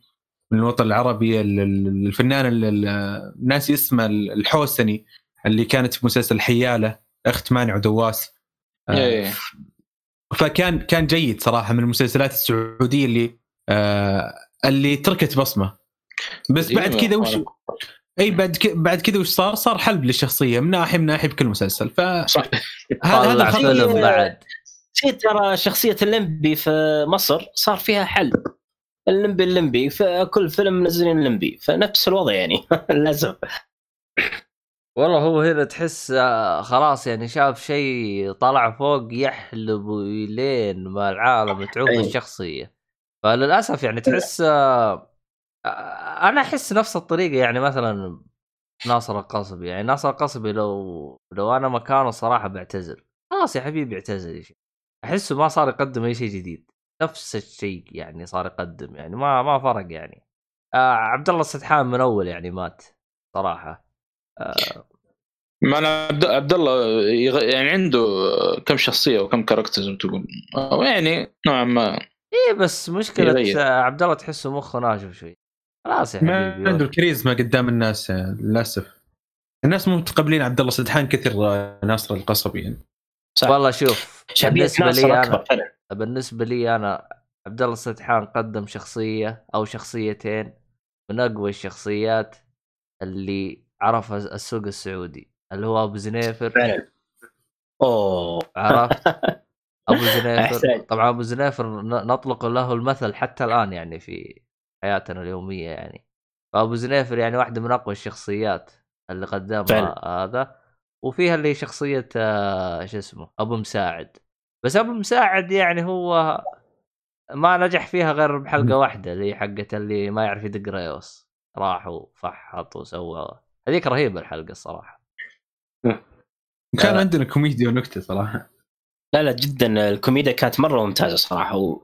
وفي تنويع يعني كل كل جزء فيه تنويع في الكوميديا يعني. رغم إنه صار له حلب يعني 19 جزء 20 جزء صح هو ان الأجزاء الأخيرة لك عليها شوي لكن يعني والله هو الأجزاء كان أنا يعني من وجهة نظري يعني بعد طاش عشرة الدنيا خلاص يعني صارت مرة خايسة. على فكرة ترى شوف طاش 1 ترى المخرج تغير بعد طاش 1 أنا طاش 1 الآن لا لا اثنين. بعد طاش آه، اثنين اللي هو عمرو حمود. بعد طاش اثنين. إي أنا طاش أول آه، أشوف الآن مع قناة ذكريات هذه القناه الجديدة. اللي يجيب لك البرامج القديمة تبع قناة حكومية أيضا. أيوه. فالحين هم يجيبون طاش 1 في المغرب فأنا اشوفها مع الأهل أحيانا. والله يعني هو صراحة جميل يعني وفي حلقات ممتازة بس ال- الإخراج لك عليه شوي يعني. فأعتقد إنه قديم، إيه. بعدين, تحسن على قد الامكان مسلسل أوز مسلسل أوز ما ما ما أقدر أشوف صراحة تغيصب عشان أشوف حلقاته. يعني ال- ال- أتكلم عن الإخراج سابقا. إيه. كان ضعيف حتى صح. مسلسل The Wire المسلسلات. القديمة حتى حتى حتى الاجنبيه كان Sopranos. نفس الشيء فعلا. الان الإخراج تطور صار في في. وهذا هذا الأمر اللي رفع ذائقة المتلقي. ولكن إذا جيت تتابع عمل قديم لازم تأخذ بعين الاعتبار إنه هذا العمل قديم. صح. بس ترى في أعمال قديمة آه، بالأفلام خصوصا فقط الأفلام تقريبا في أعمال قديمة إخراجها ممتاز. يمكن هذا الشيء تلقاه في الأفلام فقط لكن كمسلسلات صعب جدا جدا صعب. والله صحيح. أدري أنا تابعت Sopranos أشوف الإخراج فيه حلو والله ما أدري. آه في آه، The Sopranos إخراجه حلو ولكن لو قلت لك الحين في آه، عندي مسلسلين The Sopranos و Better Call Saul لا؟ خل خل خل خل, خل The Sopranos إيه. Breaking Bad و Better Call Saul صح. Better Call Saul أفضل من Breaking Bad بمراحل من ناحية الإخراج. مع إنه لاحظ إنه ما في فترة آه، زمنية كبيرة بين المسلسلين فلازم صح. تاخذ بعين الاعتبار هذه النقطة. فعلا آه طيب. روح روح. آه، أتوقع المحور الثاني كاننا جاوبناه اللي هو ما هو أسباب سوء الأعمال العربية الفكرة ولا التنفيذ. أعتقد إن جاوبنا عن هذا الشيء. فننتقل اللي بعده. روح اللي ال- بخصوص الأعمال السعودية. طبعا آه، إحنا نعرف إنه بذرة الأعمال السعودية اللي هو طاش ما طاش في الأساس هو عمل كوميدي. واصلا جلس جلس التلفزيون السعودي فترات طويلة ما ينتج إلا أعمال كوميدية فقط. فبخصوص الأعمال العربية كاملة تحسها تركز على الكوميديا أكثر من أي شيء. صح صحيح فعلا أتفق معك. فبخصوص ال- ال- الأعمال الأعمال السعودية والنكتة السعودية وش الفرق في النكته السعودية بين مسلسل طاش ما طاش ومسلسل مليار ريال؟ ما هي الفروقات يعني بخصوص النكته السعودية؟ مليار ريال هذا اللي كاتبه كويتي فطبيعي ما هي نكته سعودية وما في نكته أصلا يعني حتى الكوميديا كوميديا. الموقف ما هي حاضرة آه أنا قبل يومين كنت أتابع أو قبل أسبوع تقريبا كنت أتابع مسلسل Dead to Me ما أدري إذا مر عليكم أو لا Dead to Me والله لا. آه، مسلسل كوميدي من إنتاج نتفليكس آه مسلسل يعني خليني أقول لك بسيط جدا كل حلقة 30 دقيقة أو أقل ومن أول مشهد كوميديا موقف يا جماعة كوميديا موقف حقيقية يعني آه من أول مشهد على الشاطئ كذا الطاولة فيها قهوة وفي زي النظام الأمريكان لما يجتمعون على دائرة ويقعدون يسولفون نعم. فجت تبي تسوي تبي تاخذ من القهوة صبت القهوة شوي شربت ما عجبها طعم القهوة كبت القهوة جت واحدة ثانية أو امرأة ثانية آه وقالت نصيحة لا تشربين من هذه القهوة. قالت هذه القهوة أنا اللي سويتها. اعلان بسيط line بسيط جدا خلاني أضحك. صح. وهذه هذه كوميديا الموقف. تابع مليار ريال يا رجل أقسم بالله غثى غثى استهبال وحركات ويحذفون أغراض على بعض. وكأنهم مسرحية وما ما في كوميديا موقف و... نهائيا. ناهيك على أنه الكتابة أصلا كتابة كويتية. النكته السعودية موجودة. هذا إحنا قاعدين نضحك على الخلاط. نضحك صح. على إنتاجات آه، تلفاز. بس طالما لكن للأسف النكتة آه، ما أدري إذا هذه الكلمة تقولوا تحطون عليها طوط أو لا ولكن النكتة تغتصب إذا راحت للشاشة. لا هذه مقبولة بالبودكاست حق أوكي خلاص تمام. النكتة تغتصب إذا راحت للشاشة صراحة. آه شوف آه فيه فيه آه. فيه مسلسل آه أعتقد إنه سيلفي سيلفي. أنا شوف أنا أنا تراني أعمال رمضان أنا من 2010 وأنت طالع ترى ما تابعت منه. اللهم تلقى الناس تسوي ترند وزي كذا تجيك حلقة باليوتيوب تشغلها تشوف باليوتيوب. يعني تشوف عرفت؟ ما عجبتك طف في نص الحلقة واطلع سيلفي جميع النكت بلا استثناء هي عبارة عن نكت متداولة في السوشيال ميديا. صحيح. آه، آه، فيه اللي اللي من جد من جد جميع النكت حقه نسخ لصق من السوشيال ميديا فايز المالكي فلذلك هو أنا أعتبره واحد من أسوأ المخ... الممثلين اللي شفتهم في حياتي. بس المالكي آه، مواضيع منتديات يعني أقدم شوي من السوشيال ميديا.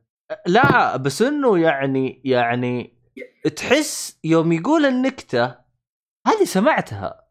طيب هو جالس يعيدها ليه؟ كذا يعني هذا اللي يجي بمخك كذا مخك هذه يعرفها وحتى المواقف اللي تصير يعني تلقى نفسك تقول هذا الموقف أصلا نكتة كيف سووه؟ آه، ترى إلى إلى إلى إلى إلى مسلسل مخرج سبعة ترى بعض الذبات اللي تصير بمخرج سبعة أو بعض ال- الطرح اللي يصير بمخرج سبعة تشعر وكأنه مأخوذ نسخ لصق من تويتر. آه، عندنا أزمة كتابة عندنا أزمة كتاب وكتابة. آه، فايز المالكي عنده سطوة كبيرة على بيني وبينك و... فلذلك هو اللي يشارك بالكتابة. آه، خلف الحربي هو اللي يكتب آه، مخرج سبعة ويكتب مسلسلات إم بي سي سيلفي والمسلسلات الماضية يعني. وتجد إنه الاثنين ما عندهم إبداع ما عندهم creativity okay وش أسهل شيء خذ من ال- اللي يضحك الناس بتويتر ممكن يضحكهم إذا حطيناه على الشاشة هو المشكلة و- تحسه يكرهك بالنكتة يوم يقول. هذا اللي قاعد يصير يعني. فعندنا أزمة كتاب. ما أدري هل عندنا أزمة كتاب ولا شوف. ولا بس لأنه الكتاب الحقيقيين مو قادرين يوصلوا للمكان. شوف آه فيه ثواني خلنا أجيب لك اسم ممثل آه دربز الظاهر سعد الفرج. آه سعد الفرج أنا ما أدري إذا عمرك آه سعد الفرج اسمه يا رب اسمه. يس إيه إيه. آه عموما سعد الفرج ما أدري إذا أنت شفت له تصريح أخير. طبعا سعد الفرج من الممثلين اللي أنا الصراحه أحترمهم إلين ما رجع آخر رجعة له زعلني الصراحه الممثل هذا تراه آه آه يعني هو سبب إنه منقطع من من التمثيل صرح فيها على التلفزيون. قال يا حبيبي أنا ما لقيت عمل يليق إني أنا أمثل فيه. وقال مرة من المرات قال أنا مرة كتبت كتاب آه يعني كتبت جهزت لي نص آه محترم المسلسل. يوم قدمته قالوه هذا فيه آه كذا كذا كذا لازم ما نتكلم عنها. يعني في أجندة قالوا شالوها. المهم قال قاموا يحذفون من بعض الأشياء اللي قالوا هذه لازم ما تنعرض يعني ما ينفع تتكلم عنها. فهمت علي؟ فقال حذف حذف حذف قال ومن ال 30 حلقة اللي أنا كتبتها كل اللي بقالي اللي ما حذفوه ثلاث أربع حلقات. قالوا كنسلت فكرة. المسلسل كامل. فهمت علي؟ لكن لو انه ممثل عبيط فهمت علي؟ كان من الثلاث حلقات هذه حلبها على 30 حلقة ضربها بعشرة. وسوى لك نص تعبان وزي كذا. وهذا سبب قطعته ترى من ال... من الإعلام كامل. يعني قال أعطيني أعطيني نص أنا أرجع لك أنا. يعني قال آه، يدققون وراك بنصوص زي كذا. يعني ما عندك الح... ما عندي حرية أنا ككاتب. يعني هو ممثل والصراحه آه، ممثل كبير. لكن آه، يعني حسب ككاتب أيضا ما يحتاج ممتاز ترى ككاتب لكن المسرحيات اللي كتبها لا إيه، لا-. لكن حسب تصريحه هو إنه يعني محارب من ناحية الكتابة يعني خلاص هو لا تتكلم عن كذا لا تتكلم عن كذا لا تتكلم عن كذا قال طب وش بقيتوا أنتوا إيش تبغون أتكلم عنه؟ إيش بقيتوا؟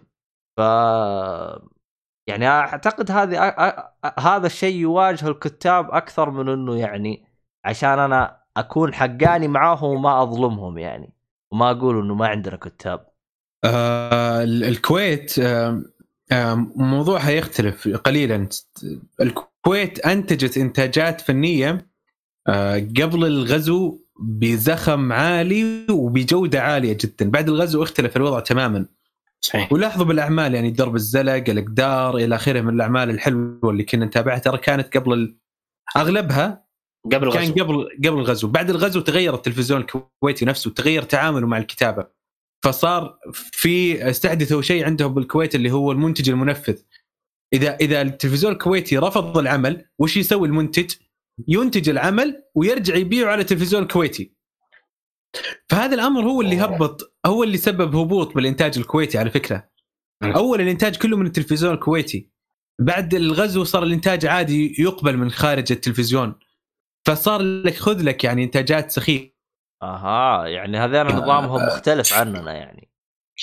إي في السابق التلفزيون الكويتي هو اللي ينتج الأعمال. بعد الغزو صار يسمح بالمنتجين إنهم ينتجون الأعمال وتعرض على التلفزيون الكويتي. هذا الأمر هو اللي خلى الرقابة تخف. يعني بدل لا النص يروح للتلفزيون ويتم تدقيقه من التلفزيون ورفضه أو إيجازه لا يجي المسلسل جاهز والتلفزيون الكويتي راح يشتري المسلسل ويعرض المسلسل. آه وانت عارف يعني الواسطات ومن تحت الطاولة إلى آخره لين ما يوصل المسلسل على الشاشة. هذا الأمر هو اللي سبب هبوط ب بالدراما الكويتية تحديدا. بس إنه كمسرحيات يعني ما زال صارت في مسرحيات ممتازة يعني بعد الغزو. آه، عبد الحسين عبد الرضا ترى حالة حالة فنية مختلفة.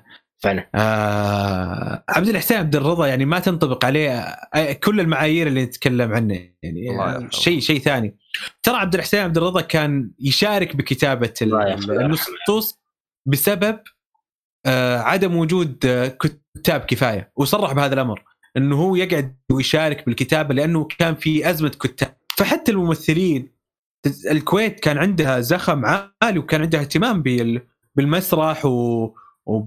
وبالتمثيل فكان عندها عدد كبير من الممثلين. آه فهذا العدد يحب هذه الشغلة. مو قاعد والله بوتكس ونفخ شفايف ونفخ نفخ تضاريس بالجسم واطلع على الشاشة. لا كان في ناس يحبون العمل فكانوا يقعدون ويشاركون بالكتابة. صحيح أتفق معك تماما. فعلا والله. طيب آه نروح المحور اللي بعده. روح يا حبيبي. ما أدري. انت أنت رحت رحت المحور الرابع ولا آه. ولا المحور الثالث؟ لأن أنا رحت ورجعت معلش لا إحنا ما ما ما نقلنا إحنا إحنا ترى معتمدين أيه. عليك يعني. طيب. تمام. آه عندنا المحور الرابع اللي هي في أعمال عربية يعني قديمة وتشوفها ممتازة وما زلت تتذكرها الآن سواء كأفلام أو كمسلسلات. وش وش ابرز أبرز شيء الآن يعني يرد في ذاكرتك إذا قلت لك أعمال عربية قديمة ممتازه والله يا أخي أنا ترى ذاكرتي سمكية شوي. يعني أنا أنسى آه كثير. ف مع إني تابعت آه مسلسلات كثير. آه أنا كانت تبهرني دائما الدراما السورية صراحة. جدا. وترى عندي عندي عندي نقطة ممكن ممكن تثير الجدل شوي. ولكن أنا أعتقد إنه اللهجة السعودية حاجز. آه لهجتنا حاجز للأسف. لا بالأغاني لا بأغانينا ولا بأفلامنا ومسلسلاتنا. اللهجة السورية واللهجة المصرية أنعم وأخف و... واسمحوا لي إنه أقول أبلغ من اللهجة السعودية. آسف جدا ممكن هذا الكلام يضايقكم. ولكن هذا الشيء اللي أنا توصلته للأسف. ال- أنا يجي يجي على بالي بعض المسلسلات السورية لو أتذكر مسلسل قديم آه الخوالي. الله. شخصية نصار عريبي وبسام كوسة. بسام كوسة يا جماعة ترى آه آه، واحد من أفضل الممثلين اللي مروا على الشاشة العربية. قادر على تقمص أدوار كثيرة ولو أذكر ممكن أعد كل المسلسلات السورية اللي أنا أحب أجد فيها بسام كوسة. آه مسلسل إنتاج عربي مشترك أو إنتاج سوري اردني أتوقع مسلسل الزير سالم. آه أنا ما أدري إذا كان إنتاج إنتاج سوري فقط أو إنتاج سوري أردني ماني عارف المعلومة بالضبط. الله ولكن أنا زير أعتقد السوري الاردني أعتقد كذا ماني متأكد. زير سالم آه، بصمة صراحة ولن يتكرر. مسلسلات قريبة عربية آه، في عندك المدير العام بعد؟ من المسلسلات حق أيمن زيدان. أيمن زيدان الجميل وهناء مسلسل كوميدي حلو خفيف مس- آه. الثلاثيه حق هاني السعدي واسماعيل أندوز الجوارح والكواسر والبواسل هذه هذه قديمة جدا يعني أنا أذكر كنت إيه. طفل لما أنا لما تعرض أتابع. الجوارح أنا تقريبا من يوم بدأ رمضان وبدأت أتابع مسلسل الجوارح الآن وصلت حلقة ثمانية تقريبا أو عشرة أتوقع أو تسعة وعشرة أنا أذكر يعني إنه إخواني كانوا يتابعون وكنت اجلس ماني فاهم شيء صراحة. من بعد ما شفت ولكن العناوين العناوين على بالي إنه الجوارح الكواسر ف... لا كان صراحة ممتاز جدا. في جدا ممتاز. حكايه مرايا مرايا. العظمة ياسر العظمة عظيم جدا. والله هذا كنت اتابع دائما إذا جاء على الشاشة على طول أنا أنا أجلس. أنا بالنسبة صراحة. لي أنا حكاية مرايا أو أو واللي يكون أو مرايا ضوء 2000 كذلك. أنا أشوفها النسخة الأفضل. النسخة الأفضل من طاش مطاش. أه، ما أدري أحسها تستهويني أفضل من طاش 18 يعني طاش 18 فيها أعمال أو فيها حلقات حلوة لكن ما هو بس إنه مختلف ترى. حكاية مرايا يعني قصة واحدة مستمرة لكن طاش 18 قصص مختلفة تقريبا. لا ما تعتبر مخت... قصة لا لا مختلفة. آه، مختلفة. لأن تعتبر زي طاش 18 يجيك بس نفس. نفس الشخصيات نفس الشخصيات ولا؟ آه، آه والله لا منفصله لا لا لا منفصل منفصل. ممكن أنا. ملخبط بينه وبين مسلسل ثاني ما أدري بخصوص ياسر العظمة. لا الحلقات منفصلة. آه كذا أنا من المسلسلات الأخيرة اللي تابعتها العربية مسلسل سوري اسمه الغفران. آه باستثناء يعني باب الحارة. الجزئين الأول والثاني والثالث تقريبا. أول ثلاث أجزاء الأولى. صحيح. بعد كذا صار حل بالوضع بباب الحاره فعلا للأسف. آه مسلسلات مصرية تابعت عايزة تجوز الكبير قوي طيب آه آه، أوه الكبير قوي رهيب والله. و- ومسلسلات عادل إمام لما رجع لل... لل... إنه يمثل مسلسلات فرقة آه، ناجي عطا الله؟ والعراب و... فرقة راجع yes yes. هو هو yes. هو حق اللي حنسرق بنك أي بنك بإسرائيل بس وش رأيك فيها؟ أنا أنا أنا يعني ترى تكلمت عنه قبل آه، في احدى الحلقات قلت إنه صراحة هذا هذا المسلسل واحد من أعظم الأفكار اللي شفتها في مسلسل ولكنها للحل عشان حلبهم للمسلسل خرب عشان 30 حلقة أيوه خرب أي، للأسف. أبو أبو أبو أبو المسلسل للأسف الشديد. 30 حلقة أزمة أزمة 30 حلقة لو صراحة. تلاحظ إنه أيوة. بالنهاية صاروا يطلعوا خرابيط بس عشان يمططون الحلقات. صحيح. والله للأسف يعني. هاي ترى 30 حلقة ترى هي عقدة. شوف هو يا إنه يكون العمل مطمط يعني إنه ما يستحمل إنه يكون 30 حلقة أو يكون في اختزال. مثلا قد يكون يعني عمل يحتاج ل 50 حلقة وزي كذا بس إنه يخسروا خلال 30 حلقة يصير في اختزال كبير يعني. آه ولاحظ إنه عادل إمام تعلم من هذا الخطأ بمسلسل العراب حاول إنه مسلسل العراب يكون أفضل. فكان مسلسل العراب مليء بالأحداث أكثر من مسلسل فرقة ناقي عطا الله. العراب أنا أعتقد إنه هو المسلسل اللي كان فيه آه، نصاب صح؟ ما أدري أنا ترى ما تابعت له أعمال. أنا المسلسلات لما رجع للتمثيل هي اللي شفتها المسلسل ناقي عطا الله ومسلسل بعده أتوقع العراب لما كان نصاب. فتحس إنه في اختلاف آه، جذري بين المسلسلين وتحس إنه العراب كذا دسم أكثر من فرقة ناقي عطا الله. ولكن سو فار هذه المسلسلات اللي تيجي على بالي اللي شفتها مؤخرا. حلو. في أحد عنده إضافة من الشباب أو شيء؟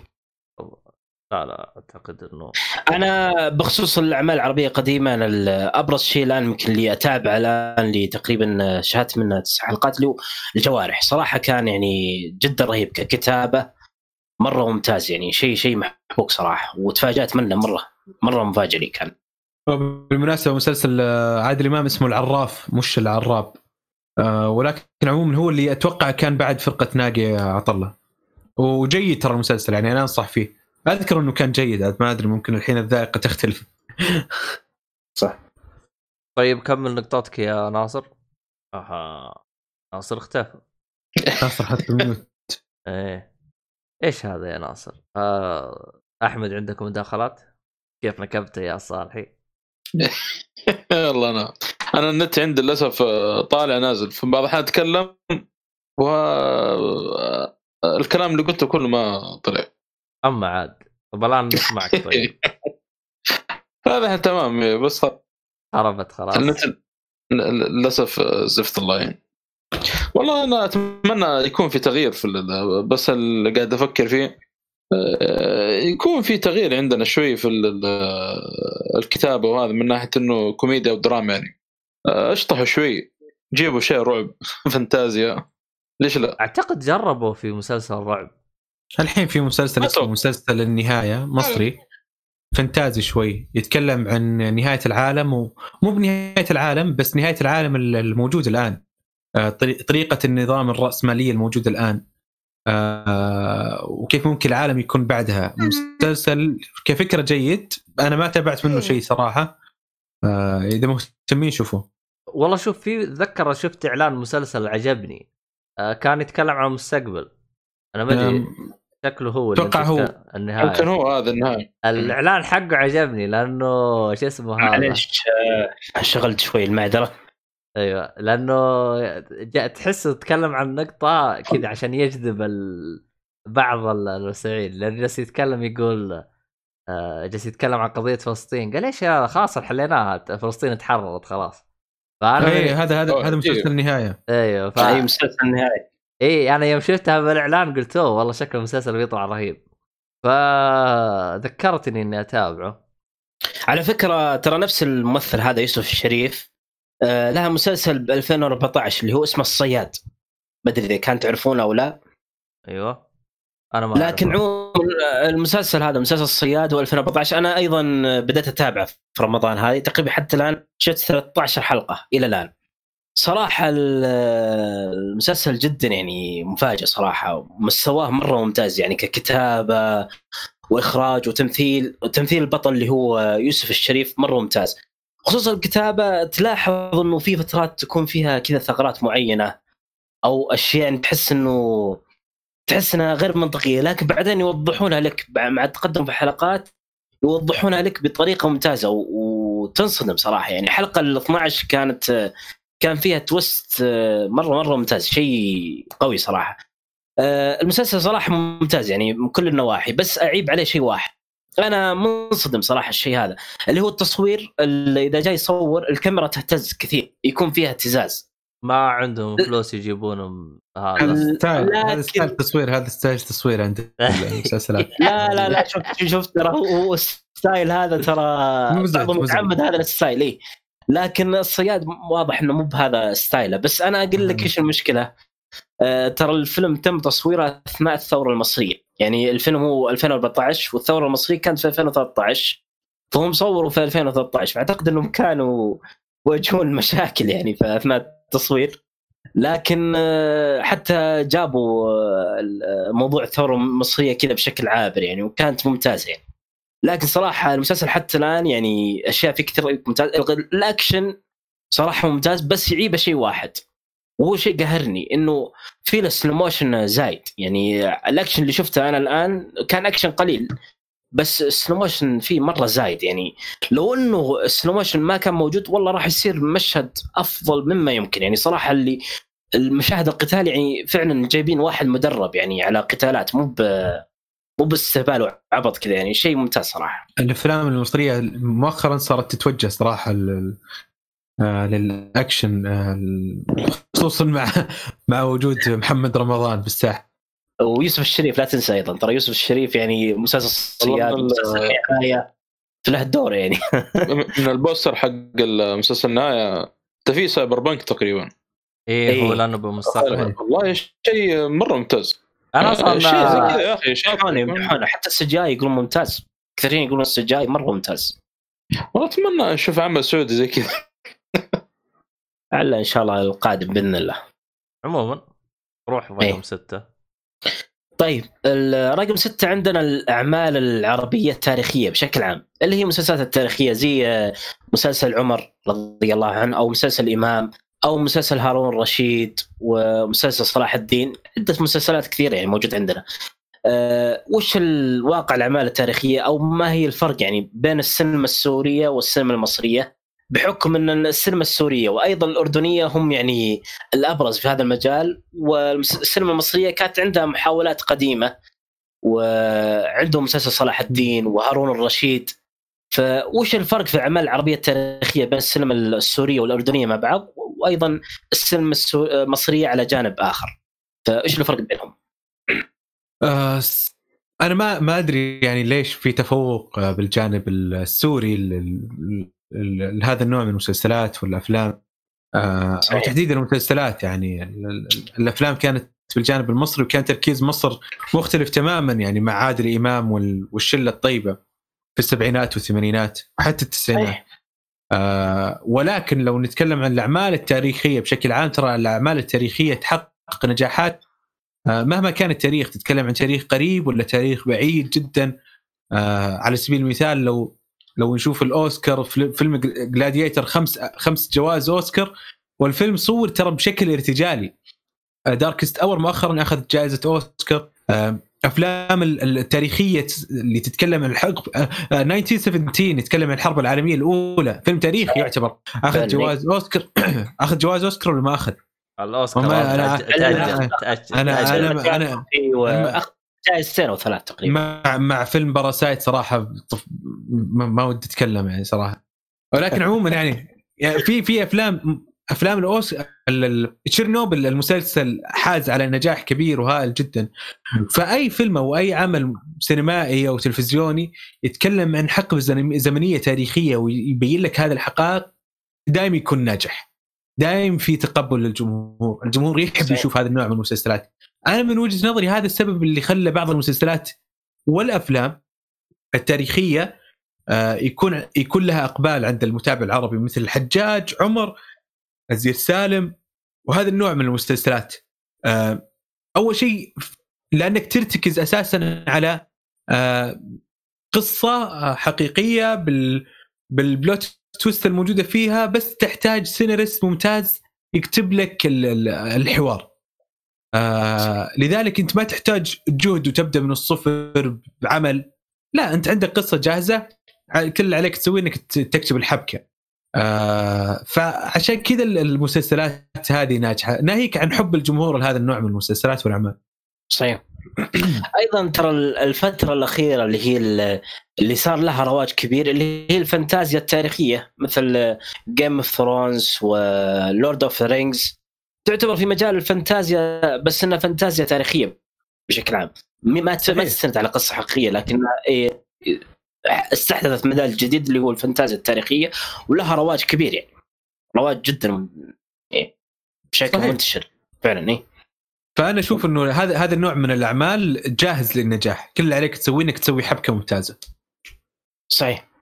تكون الكتابة ممتازة والتمثيل ممتاز وأيضا الاخراج إي وترى يعني وترى ترى ترى سوريا فيها عدد كبير جدا من الممثلين والممثلات الرائعين. كلهم خريجين من المعهد أو أغلبهم خريجين من آه، آه، ال- ال- ال- المعهد الموجود في دمشق. آه، فعندهم الإمكانيات صراحة. إحنا للاسف ترى ما عندنا ممثلين هذه نقطة لازم نعترف فيها شوف ترى بس. أنا أنا أرجح السبب في ذلك إنه سوريا مصر آه، هم بدوا قبل لا إحنا نبدأ خصوصا إن إحنا يوم يوم قررنا نبدأ لا تنسى إنه جتنا مواجهات من ناحية إنه آه، ال- ال- ال- الثورة هذه اللي جت آه، حرام وحلال والحوسة هذه فتحس سويت لنا تأخير كذا 20 سنة كذا ورا شويتين. أو صعبت إنه إحنا نمشي بالأشياء هذه كلها. فيعني زي ما تقول إحنا أصلا السوق عندنا عانى من مشاكل يعني خصوصا إنه هو يوم بدأ جته مشاكل ومدري كيف بدأ. واصلا ما جت الجرأة في التلفزيون إلا من 18 18 ومتى الظاهر 18 18 14 أو أو حتى 13. 18 كان كان كان في تقطيع كثير يعني. امم صح. يعني نحتاج. نحتاج عارض للاسف. نحتاج معهد يكون معني بصناعة نجوم. أكيد لابد. معهد ضروري. رغم إنه كان موجود سابقا. في في ولكن آه، غير مدعومة موجودة شكلية فقط كشكل. للأسف. آه، صراحة ال- المدرسة الفنية والمعهد آه، شيء أساسي يعني. هو اللي يتخرج منه الممثلين والمخرجين بشكل عام. هذا هذا المصدر لهم يعني. هو اللي يصنع ال... حتى في أمريكا يعني آه، الممثلين إما إنه يكون بارع بالمسرح المدرسي واللي أساسا آه، في أساتذة دارسين بالجامعة هم الموجودين بالمسرح المدرسي مو عندنا بالسعودية قائد النشاط اللي أحيانا يكون آه، أستاذ آه، المسرح. دين أستاذ مم. دين وكل المسرح عبارة صح. عن مخيم صيفي وكتابه الوطنية مع احترامي للكتابه الوطنية ولكن مكانه مو المسرح المدرسي المسرح المدرسي ممكن يطلع لك دراما يناقش لك قضايا اللي قاعد يصير اللي, اللي كان يصير عندنا إنه أي مدرس أطرف مدرس يصير قائد النشاط وياخذ ولا بيض وكلهم يذبوها على الثاني لين ما تطيح على رأس واحد يقول يلا ها اصير والله. اصير طالب نشاط ولا تزعل. لا لا هو صراحة المفروض أنها تكون مادة أساسية يعني مادة المسرح وال... وتكون عليها الأعمال المسرحية. لأن المسرح ترى في النهاية هو أم الفنون يعني. أنت لو تلاحظ الممثلين ال- البريطانيين بشكل عام ليش متمكنين؟ ان أغلبهم يجي من من المسرح. وحتى الفترة الأخيرة أنا كنت أقرأ كتاب مصباح السحري لانجمر بيرجمان هو راح بريطانيا وراح لندن وسوى زيارة للمسرح. فيقول إحنا معايير المسرح السويدية عندنا يقول ولا شيء يا رجل عند التقاليد والمعايير المسرح البريطاني يعني هو شاف ال- المسر- المسرح- المسرحيات عندهم والبروفات. يقول في انسجام وفي رتم وفي إيقاع سريع. يعني يقول أنا أعتقد إنه ما قد شفت يعني مسرح بهذا القوة مثل المسرح ال- البريطاني. فعشان كذا تلاحظ إنه البريطانيين يعني تمثيلهم جدا ممتاز. ليش؟ لأن عندهم آه، أساس مسرحي كبير وعندهم مسرح يعني جدا قوي وممتاز شيء أساسي يعني. والمسرح مهم كذلك عند عند البريطانيين وعند الأمريكان. آه، إحنا المشكلة عند حتى المسرح ما قدرنا نوصل ل آه، لمرحلة الإتقان أو مرحلة خليني أقول لك الجيد في المسرح مسرحية الذيب بالقليب اعاده لطاش بس- مطاش واعاده لبعض حلقات آه، طاش مطاش لا أكثر. صح. وتمطيط لمدة ساعتين على على كلام فاضي. يعني نحتاج صراحة معاهد إنه تنتشل الجيل القادم وتقدم لنا جيل آه، قادر على التمثيل. إذا كان عندنا أسماء ممثلين كثير راح يطلع لك ممثلين من المدرسة ممثلين من الشارع. ليش؟ لأنه خلاص صار صار ثقافة. صار ال- صار الواحد يشوف أعمال جيدة على التلفزيون ويقدر إنه يقلد بالبيت. أما الآن وش قاعد تشوف؟ مو قاعد تشوف شيء. والله مشكلة. طيب كمل يا ناصر. ناصر الظاهر انه اختفى أعتقد ال- النت. لا النت عندي تمام أنا مدري عنك أنت. ناصر؟ والله حتى النت أنا عندي سيء. اسمعني يا ناصر. أسمعكم أسمعكم. آه طيب يلا كمل. آه، دقيقة. هذا مشاكل النت هذا اللي ما راح نخلص منه. آه، أعتقد راكان كان يتكلم آخر شيء. أنا ما أسمعه. آه كنت اتكلم عن آه تسمعوني الحين؟ يا أنا أنا أسمعك أنا. إيه، كنت- اسمعك إيه كنت اتكلم إنه نحتاج معاهد عشان يكون عندنا زي عصر النهضة بإيطاليا اللي آه، صدر فن إلى الآن موجود على ال ال إلى الآن الناس تتعلم من هذا الفن.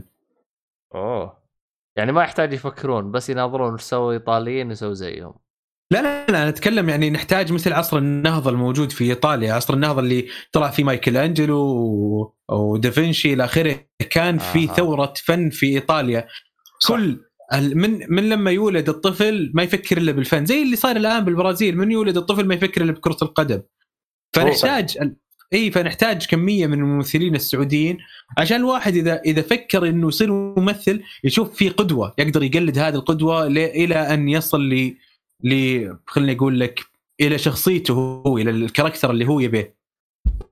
أها. صحيح. آه، شوف ترى بالنسبة للافلام السعودية ترى الأفلام ما أدري مشكلة إنه جزء كبير منها ما ما استطعنا نشوفه لأن كانت أفلام مهرجانات وغير متوفرة أو على النت. لكن في فيلم صراحة أنا قد قلت عنه الشاب اللي هو فضيلة لا تكون أحد. آه، صراحة ممتاز يعني كفيلم قصير آه، جدا جدا ممتاز وكان مفاجئ بالنسبة لي. فأعتقد إنه مر عليك يا أبو ولا لا؟ لا. ما مره للأسف صراحة. عموما تتذكر فيلم قصير اسمه منوبولي أيوه نعم. ها؟ ممتاز. هذا من نفس المخرج. نفس المخرج سواه عموما ترى رجعت أشوف منوبولي والله صراحة تفقعت ضحك. اي منبولي ممتاز صراحة. مره مرة ممتاز صراحة. على وقته؟ والله مو على وقته الصراحة إلى الآن المعايير. حقته تنطبق. اي حتى إلى الآن. المعايير تنطبق صراحة. آه الله يا عموما نروح النقطة اللي بعدها. آه، طيب النقطة اللي بعد اللي هو عندنا تقريبا السؤال إحنا قربنا نخلص الموضوع. وش هي أمنياتكم لمستقبل السينما السعودية بشكل عام؟ يعني وش اللي تتمنون إنه يكون موجود في السينما السعودية في المستقبل والأيام القادمة؟ آه، أنا صراحة أتمنى إنه يكون في معهد واهتمام بالمدارس والمسرح المدرسي إنه يكون في معهد كذلك آه لتقديم آه خليني أقول لك آه فنانين للساحة وكذلك أتمنى يكون عندنا مهرجان سينمائي زي مهرجان القاهرة. أتمنى. يا ليت والله. في المهرجان حق الافلام القصيرة مهرجان السعود للافلام القصيرة. في في مهرجان البحر الأحمر ولكن آه إيه. الغي بسبب للاسف الكورونا صح؟ إيه. إيه. كان كانت ال- الدورة الأولى من المهرجان وكنت متحمس مرة لأنه كان حقيقي مهرجان حقيقي في أفلام حقيقية راح تعرض و... صحيح. وفي نجوم عالميين راح يحضرون المهرجان. فعلا. أعتقد إنها بتكون بداية ممتازة. لعلها إن شاء الله تكون السنة القادمة بإذن الله. إن شاء الله. بما نواجه ازمه كورونا السنة هذه الله المستعان فالله ييسر يا رب. طيب بالنهاية كلمة توجهها للمشاهد السعودي بشكل عام. وش حابب تقول والله؟ ما ما في كلمة صراحة أقدر أقولها للمشاهد السعودي لأنه آه أنا سعيد جدا إنه في الذائقة العامة انتقلت من مرحلة إلى مرحلة آه أفضل. و... صحيح. وهذا الأمر ينطبق علي أنا يعني أنا بيوم من الأيام كنت أضحك على مسلسلات سخيفة وكنت أشوف مسلسلات سخيفة ومسلسلات عربية ومسلسلات سعودية. ولكن الحمد لله يعني إنه في حر حراك بالسعودية كامل إنه في ارتقاء وفي اهتمام بال بالفنون وبالشاشه الصغيرة بالسينما بالمسرح. صحيح. وأتمنى إنه هذا الاهتمام يتطور أكثر. أنا أتمنى إنه الاهتمام هذا والارتقاء للجمهور المشاهد إنه ينتقل للعاملين وللمخرجين والكتاب. إن شاء الله إنه بإذن الله يكون في ارتقاء يعني موازي للارتقاء المشاهد. إن شاء الله. نتمنى إي والله. إن شاء الله الأيام القادمة أفضل. عموما آه، في سيد الهروب الكبير عنده مداخلة. السلام عليكم. السلام. هلا والله أحمد. اسلم كيف حالكم؟ حياك الله. كيف ضيفنا؟ آه، الشيخ راكب. أهلا أهلا هلا. هلا فيك. آه، شاب عندي ما- بس آه، شيء بسيط على نقطة مستقبل السينما السعودية. آه، ماني متفائل ابدا آه، في أسباب آه، وراء هذا الشيء. أول شيء تتابع أعمال كورية و- وجابت لك الكآبة عشان كذا مت- متفائل. لا لا لا لا جد. الموضوع باختصار لأنه كل الأعمال اللي عندنا الآن مدفوعه ومبيوعه للمعلنين قبل ما أصلا تسوي ال- المنتج. فال quality أصلا تكون سيئة بسبب هذا الشيء. بس يبغوا يملأ الفراغ. تعرف لما انت الطفل تقول له يملأ الفراغ؟ ما هم quality أبغى بس كنت أبغى عدد. آه، ولا في زي ما تناقشت قبل ما في يعني ممثلين صراحة. ولا في كتاب آه، يعني بعدد كافي. يطلعوا لك آه، إشياء على الكلام. فمستقبل القريب للأسف ما. ما في أي شيء نظام التلفزيون لازم يتغير. محتاج كتاب محتاج ممثلين وسلامات والله النظام الس- صحيح. التلفزيون السعودي يحتاج كل شيء مو يحتاج كتاب بس بس على فكرة ترى والله ال- بتكلم آه، التلفزيون السعودي بس آه، بتكلم حتى ال- ال- ال- السينما السعودية بشكل عام حتى من ناحية السينما. لو تكلم إنه كأفلام تنزل. ترى السينما ترى يعني صارت في إنتاجات أفضل من أول يعني. صار في في إنتاج صح إن أغلبها أفلام قصيرة أي. لكن صراحة في منها مم- في منها شيء ممتاز يعني. بس مو- إلى حد ما إلى حد ما كبداية تعتبر كويس صح؟ لكن يبغى لهم شغل والله. مشكلة في أشياء كثيرة ما شفناها يعني لأن كانت أغلبها أفلام مهرجانات و... وأفلام القصيرة أصلا ما ينفع تنزلها بلوراي. من اللي بيشتريها؟ بلوراي وتكون موجودة يعني. فما لك حل إلا تكون على النت يعني. آه، يوتيوب. زي بعض أو هي ينزلها Netflix يطلع لك هي كم نزلها ريال. Netflix زي التلفاز بس في بعض المخرجين توجهوا نزلوها باليوتيوب نفس المخرج أو الكاتب نزل اليوتيوب مثل فضيله لا تكون أحد. وفيلم عايش أيضا أظن موجود على اليوتيوب.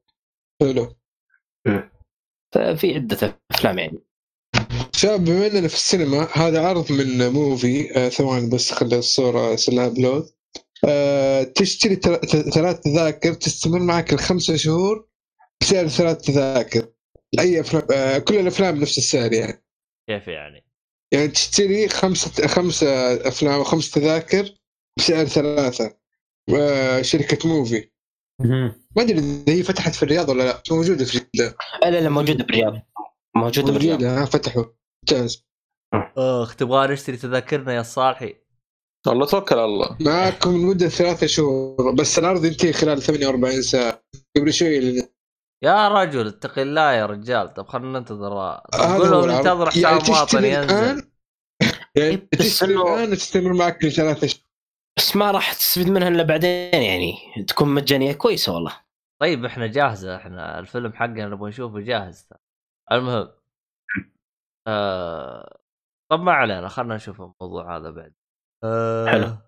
إحنا خلصنا المحاور حقتنا هذه. إي خلصنا. تبون آه، نتكلم آه، عن أفلام أو مسلسلات؟ إذا ركان عنده شيء وش الأعمال الشهاده مؤخرا؟ أنا أفضل نتكلم عن الترجمة والاشياء هذه. اسلم اسلم. ثرونز والاشياء هذه. أنت عندك الموضوع اسلم. طيب أوكي. آه، ركان متابع طبعا قناتك من زمان. آه، بس ما ما شارك ولا شيء يعني لا الجسس. ف صامت.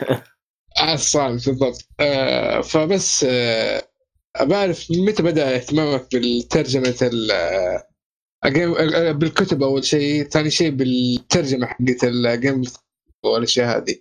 يعني حتى Witcher تكلم كروايات وكتب برضه إنك تقراها ومهتم فيها. صوت. فإيش عند خير سمعت شيء؟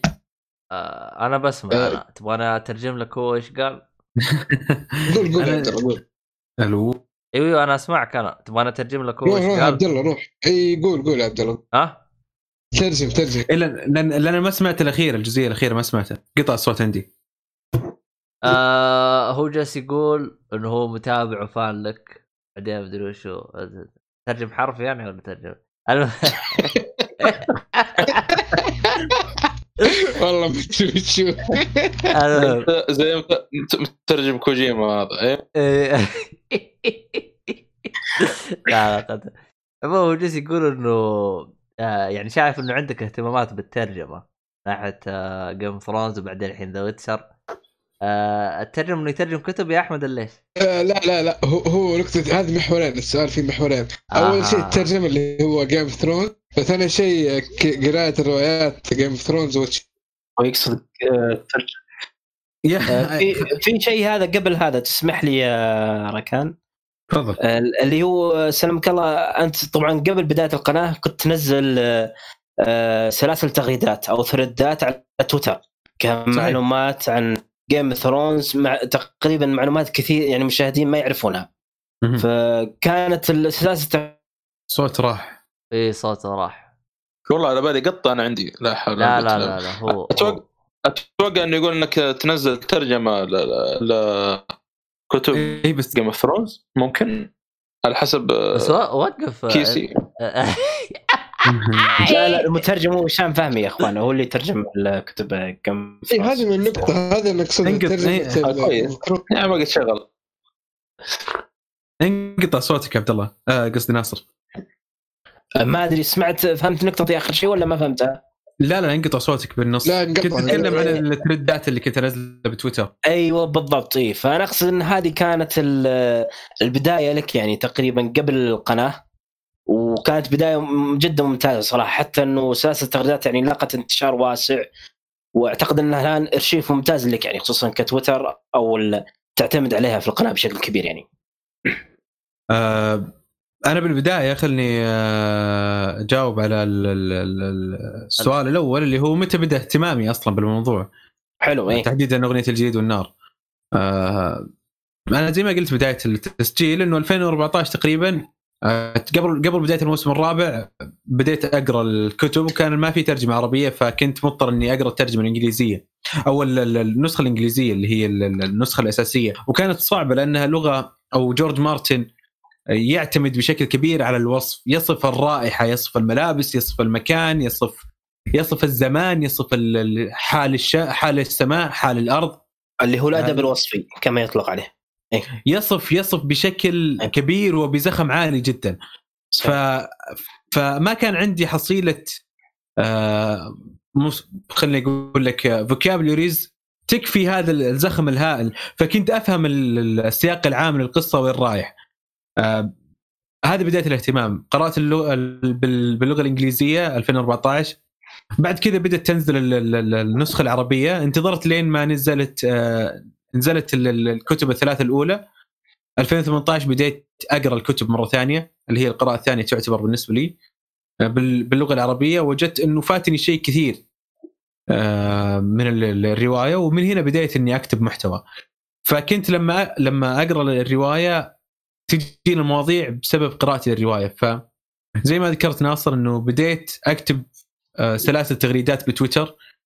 ومن هنا يعني بدأ الموضوع إنه صار عندي آه، مخزون كافي. و- من ال- ال- السلاسل التغريدات بديت ال- ال- القناة. هو الكتاب السادس حقه نزل ولا باقي؟ لا لسه. أوف. الكتاب اللي كان آه. بينزل بعد بعد الحلقة الأخيرة هذا الخامس ولا السادس؟ السادس. السادس كان المفروض ينزل بعد الموسم الرابع. أو حلو. بعد الموسم الخامس عفوا. بعد الموسم الخامس المفروض ينزل الكتاب السادس. أيوه. وانتهى المسلسل الان ما نزل؟ وش هو, هو طلع تصريح جورج آر مارتن يقول إذا انتهت السنة وما نزلت الكتاب قال شيء مدري إيش والله نسيت. قال إذا هذا الكلام الم- السنة السنة الماضية 2019 قال قال إذا جاء Worldcon نيوزيلندا 2020 وأنا جيت ما معي الكتاب السادس اسجنوني بجزيرة نائية شيء زي كذا. Worldcon هذا أكبر آه، معرض كتب بالعالم. يصير في شهر جولاي كل سنة. فمع أزمة كورونا ألغي ألغي ال Worldcon وكان كان كان يعني من حظنا يعني حظنا البائس. فما في ما في كتاب. إيه، فهو من حظ آه، جورج ار مارتن يعني إنه ألغي. والله بحيجلس يفضل الكتاب زيادة يعني. لا- يبغى. بس خلاص الآن ما له إلا الكتاب السادس وبعد السابع وخلاص يعني تنتهي الرواية. باقي كتابين بس. إي على أمل يعني إنه قاعد يكتب الكتابين آه، بشكل آه، متوازي ان بارل صحيح. آه، أنا الروايات صراحة ناويها يعني. لي فترة والله ناويها بس إني أجلت الموضوع هذا كثير. فلعلي أبدأ إن شاء الله فيه قريب بعد رمضان إن شاء الله. أنا خصوصا إنه. موجود عندي نسخة الكندل يعني بنسخة الكندل أنا أنا الروايات سبب إني ما دخلت فيها حاجة واحدة كنت أتناقش آه، مع مدرس اللي قلت له ها وش رأيك؟ قال لي والله شوف هي الرواية حلوة لكنها ما هي حلوة قلت له كيف؟ قال يعني هي الرواية حلوة وكذا تستمتع زي كذا لكن هي إشكالية إنه فيها أكثر من 140 شخصية شخصيات مرة كثير فقال والله يا تضيع فيها ضيعان قال تخيل قال أنا مثلا أقرأ لين ما أوصل للنص بعدين أنا أسمع شخصية هذه أقول مين هذه؟ أرجع. لبداية كتاب فيه لأنه فيه مرسوم زي الشجرة. أجلس أناظر كذا هذا مين هذا مين؟ أوه هذا هو. بعدين أرجع أكمل. بعدين أضيع. بعدين أرجع لبداية الصفحة. مين هذا؟ أيوه هذا هو. وأرجع أكمل. فقال يعني هو بس قرأ كتاب الكتاب الأول بس. قال والله يا ضعت ضيعان فقال يعني حاجة صدع مخي. فقال مع نفسه خلني أكمل بس. أرتاح. فيعني ترى حتى المسلسل يعني الشخصيات فيه كثيره ترى مسلسل يعتبر بس إنه إي بس س- المسلسل تتابعه مرة مرتين تقدر إيه. تربط عشر شخصيات ببعض. كتاب ترى كتابة يعني. صح زي- صح. زي ما قال أخونا ركان قال إنه مخه قسم. المسكين أنت قريت كل الكتب بالإنجليزي ولا وش سوى؟ قريت ال- بالبداية الخمس كتب اللي نزلت بالإنجليزي بعدين رجعت قريتها بالعربي. فالكتب صحيح لازم تكون يعني جيك شوي بال- بالرواية عشان تستمتع. صحيح. وفي يعني ويكيبيديا وفيه آم، آه، يمديك تبحث في جوجل يعني إيه. إي في fan art آه، يسهل لك التخيل الش- الشخصيات. في الويكيبيديا كل الشخصيات والأحداث والأماكن اللي صارت موجود لها ويكيبيديا كامل غير ال fandom. ال fandom شيء ثاني. آه ويكيبيديا خاص ب Game of Thrones يعني. اي. اي اي تقدر تقدر تكتب A World of Ice and Fire wiki الحين ب- يعني I will share حلو حلو أنا لهذا السبب إني ما دخلت أقرأ كتاب. لأنه أحسه بيصدع راسي تصديع بشكل. عموما هذا ال ال ال ال الويكي. كل اللي عليك تسويه إنك من جوجل أصلا تكتب أي شخصية وبجنب الشخصية تحط. تكتب أي شيء وتكتب بجنبه Song of Ice and Fire الاختصار هذا. حلو. وراح تدخل على الصفحة حقت الويكيبيديا لل- للموضوع اللي انت كتبته. فعمل هائل وكبير جدا صراحة. عموما يا جماعة أنا لازم أطلع أتسحر. أنا أتسحر آه. بدري. أبد الله يسقط معنا خذ راحتك وما طيب قصرت كذا إحنا ف قفل عيال إيه خلاص. طيب أعتقد خلينا ساعتين ولا لا؟ يعطيكم العافية والله ما قصرت وراك أنا بس يعافيك. عن تجربة بسيطة وقبل ما نقفل بس. تجربة إيش؟ آه، لعبت آه، أو يوم قبل أمس نزل آه، طور جديد في لعبة Rainbow 6 Siege إيه إيه إيه. الاحتفاليه حقت يجي attacker و defender كالعادة. بس سطوا على خزانات ال- ال- الفلوس. أو بيش بيسرقوا فلوس خلاص. فريقين السلاح الوحيد اللي معك shotgun وكل شخصية لها shotgun خاص فيها طبعا.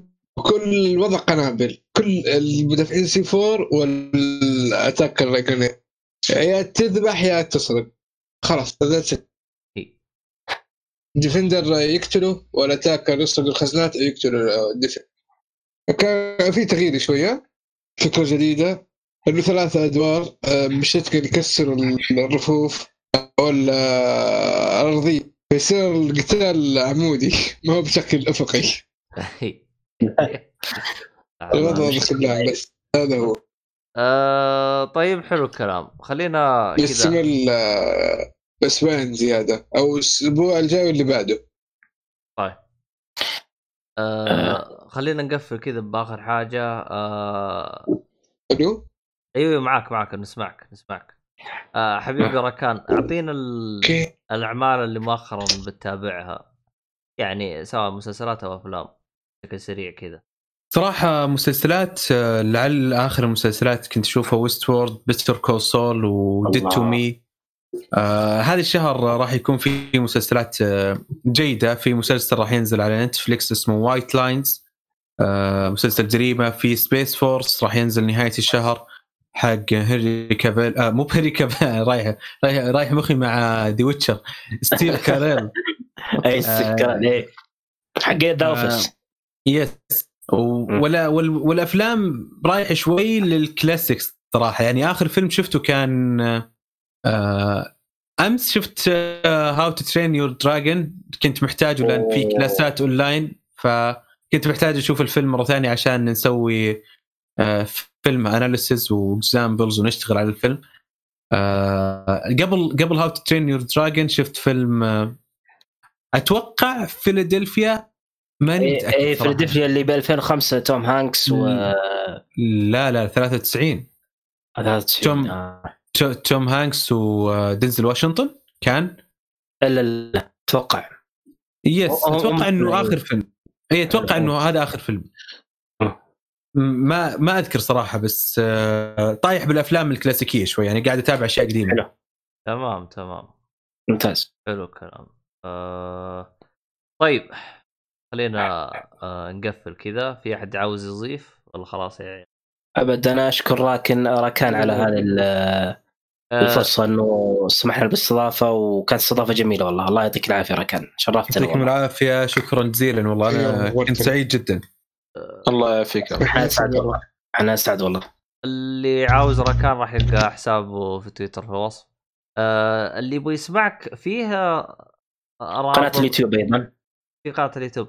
لا الرادو الرادو تقدر تسمع عن طريق ال- ال- الموقع. في الموقع. appli في application روتانا FM KSA اللي حاب يحمل ال application آه تسمع منه على طول. طيب, طيب. حلو الكلام. آه فاذا بغيتوا ركان روحوا دوروا عليه يعطيكم العافية شباب شكرا. جزيلا العفو ونشوفكم على خير إن شاء الله عفوا الله على. خير. على خير بإذن الله كل حاجة تبغاها تلقاها بوصف ومع السلامة والقناة أيضا القناة ضروريه قناة اليوتيوب أه بحاول أحط. كل حاجة أقدر أسوي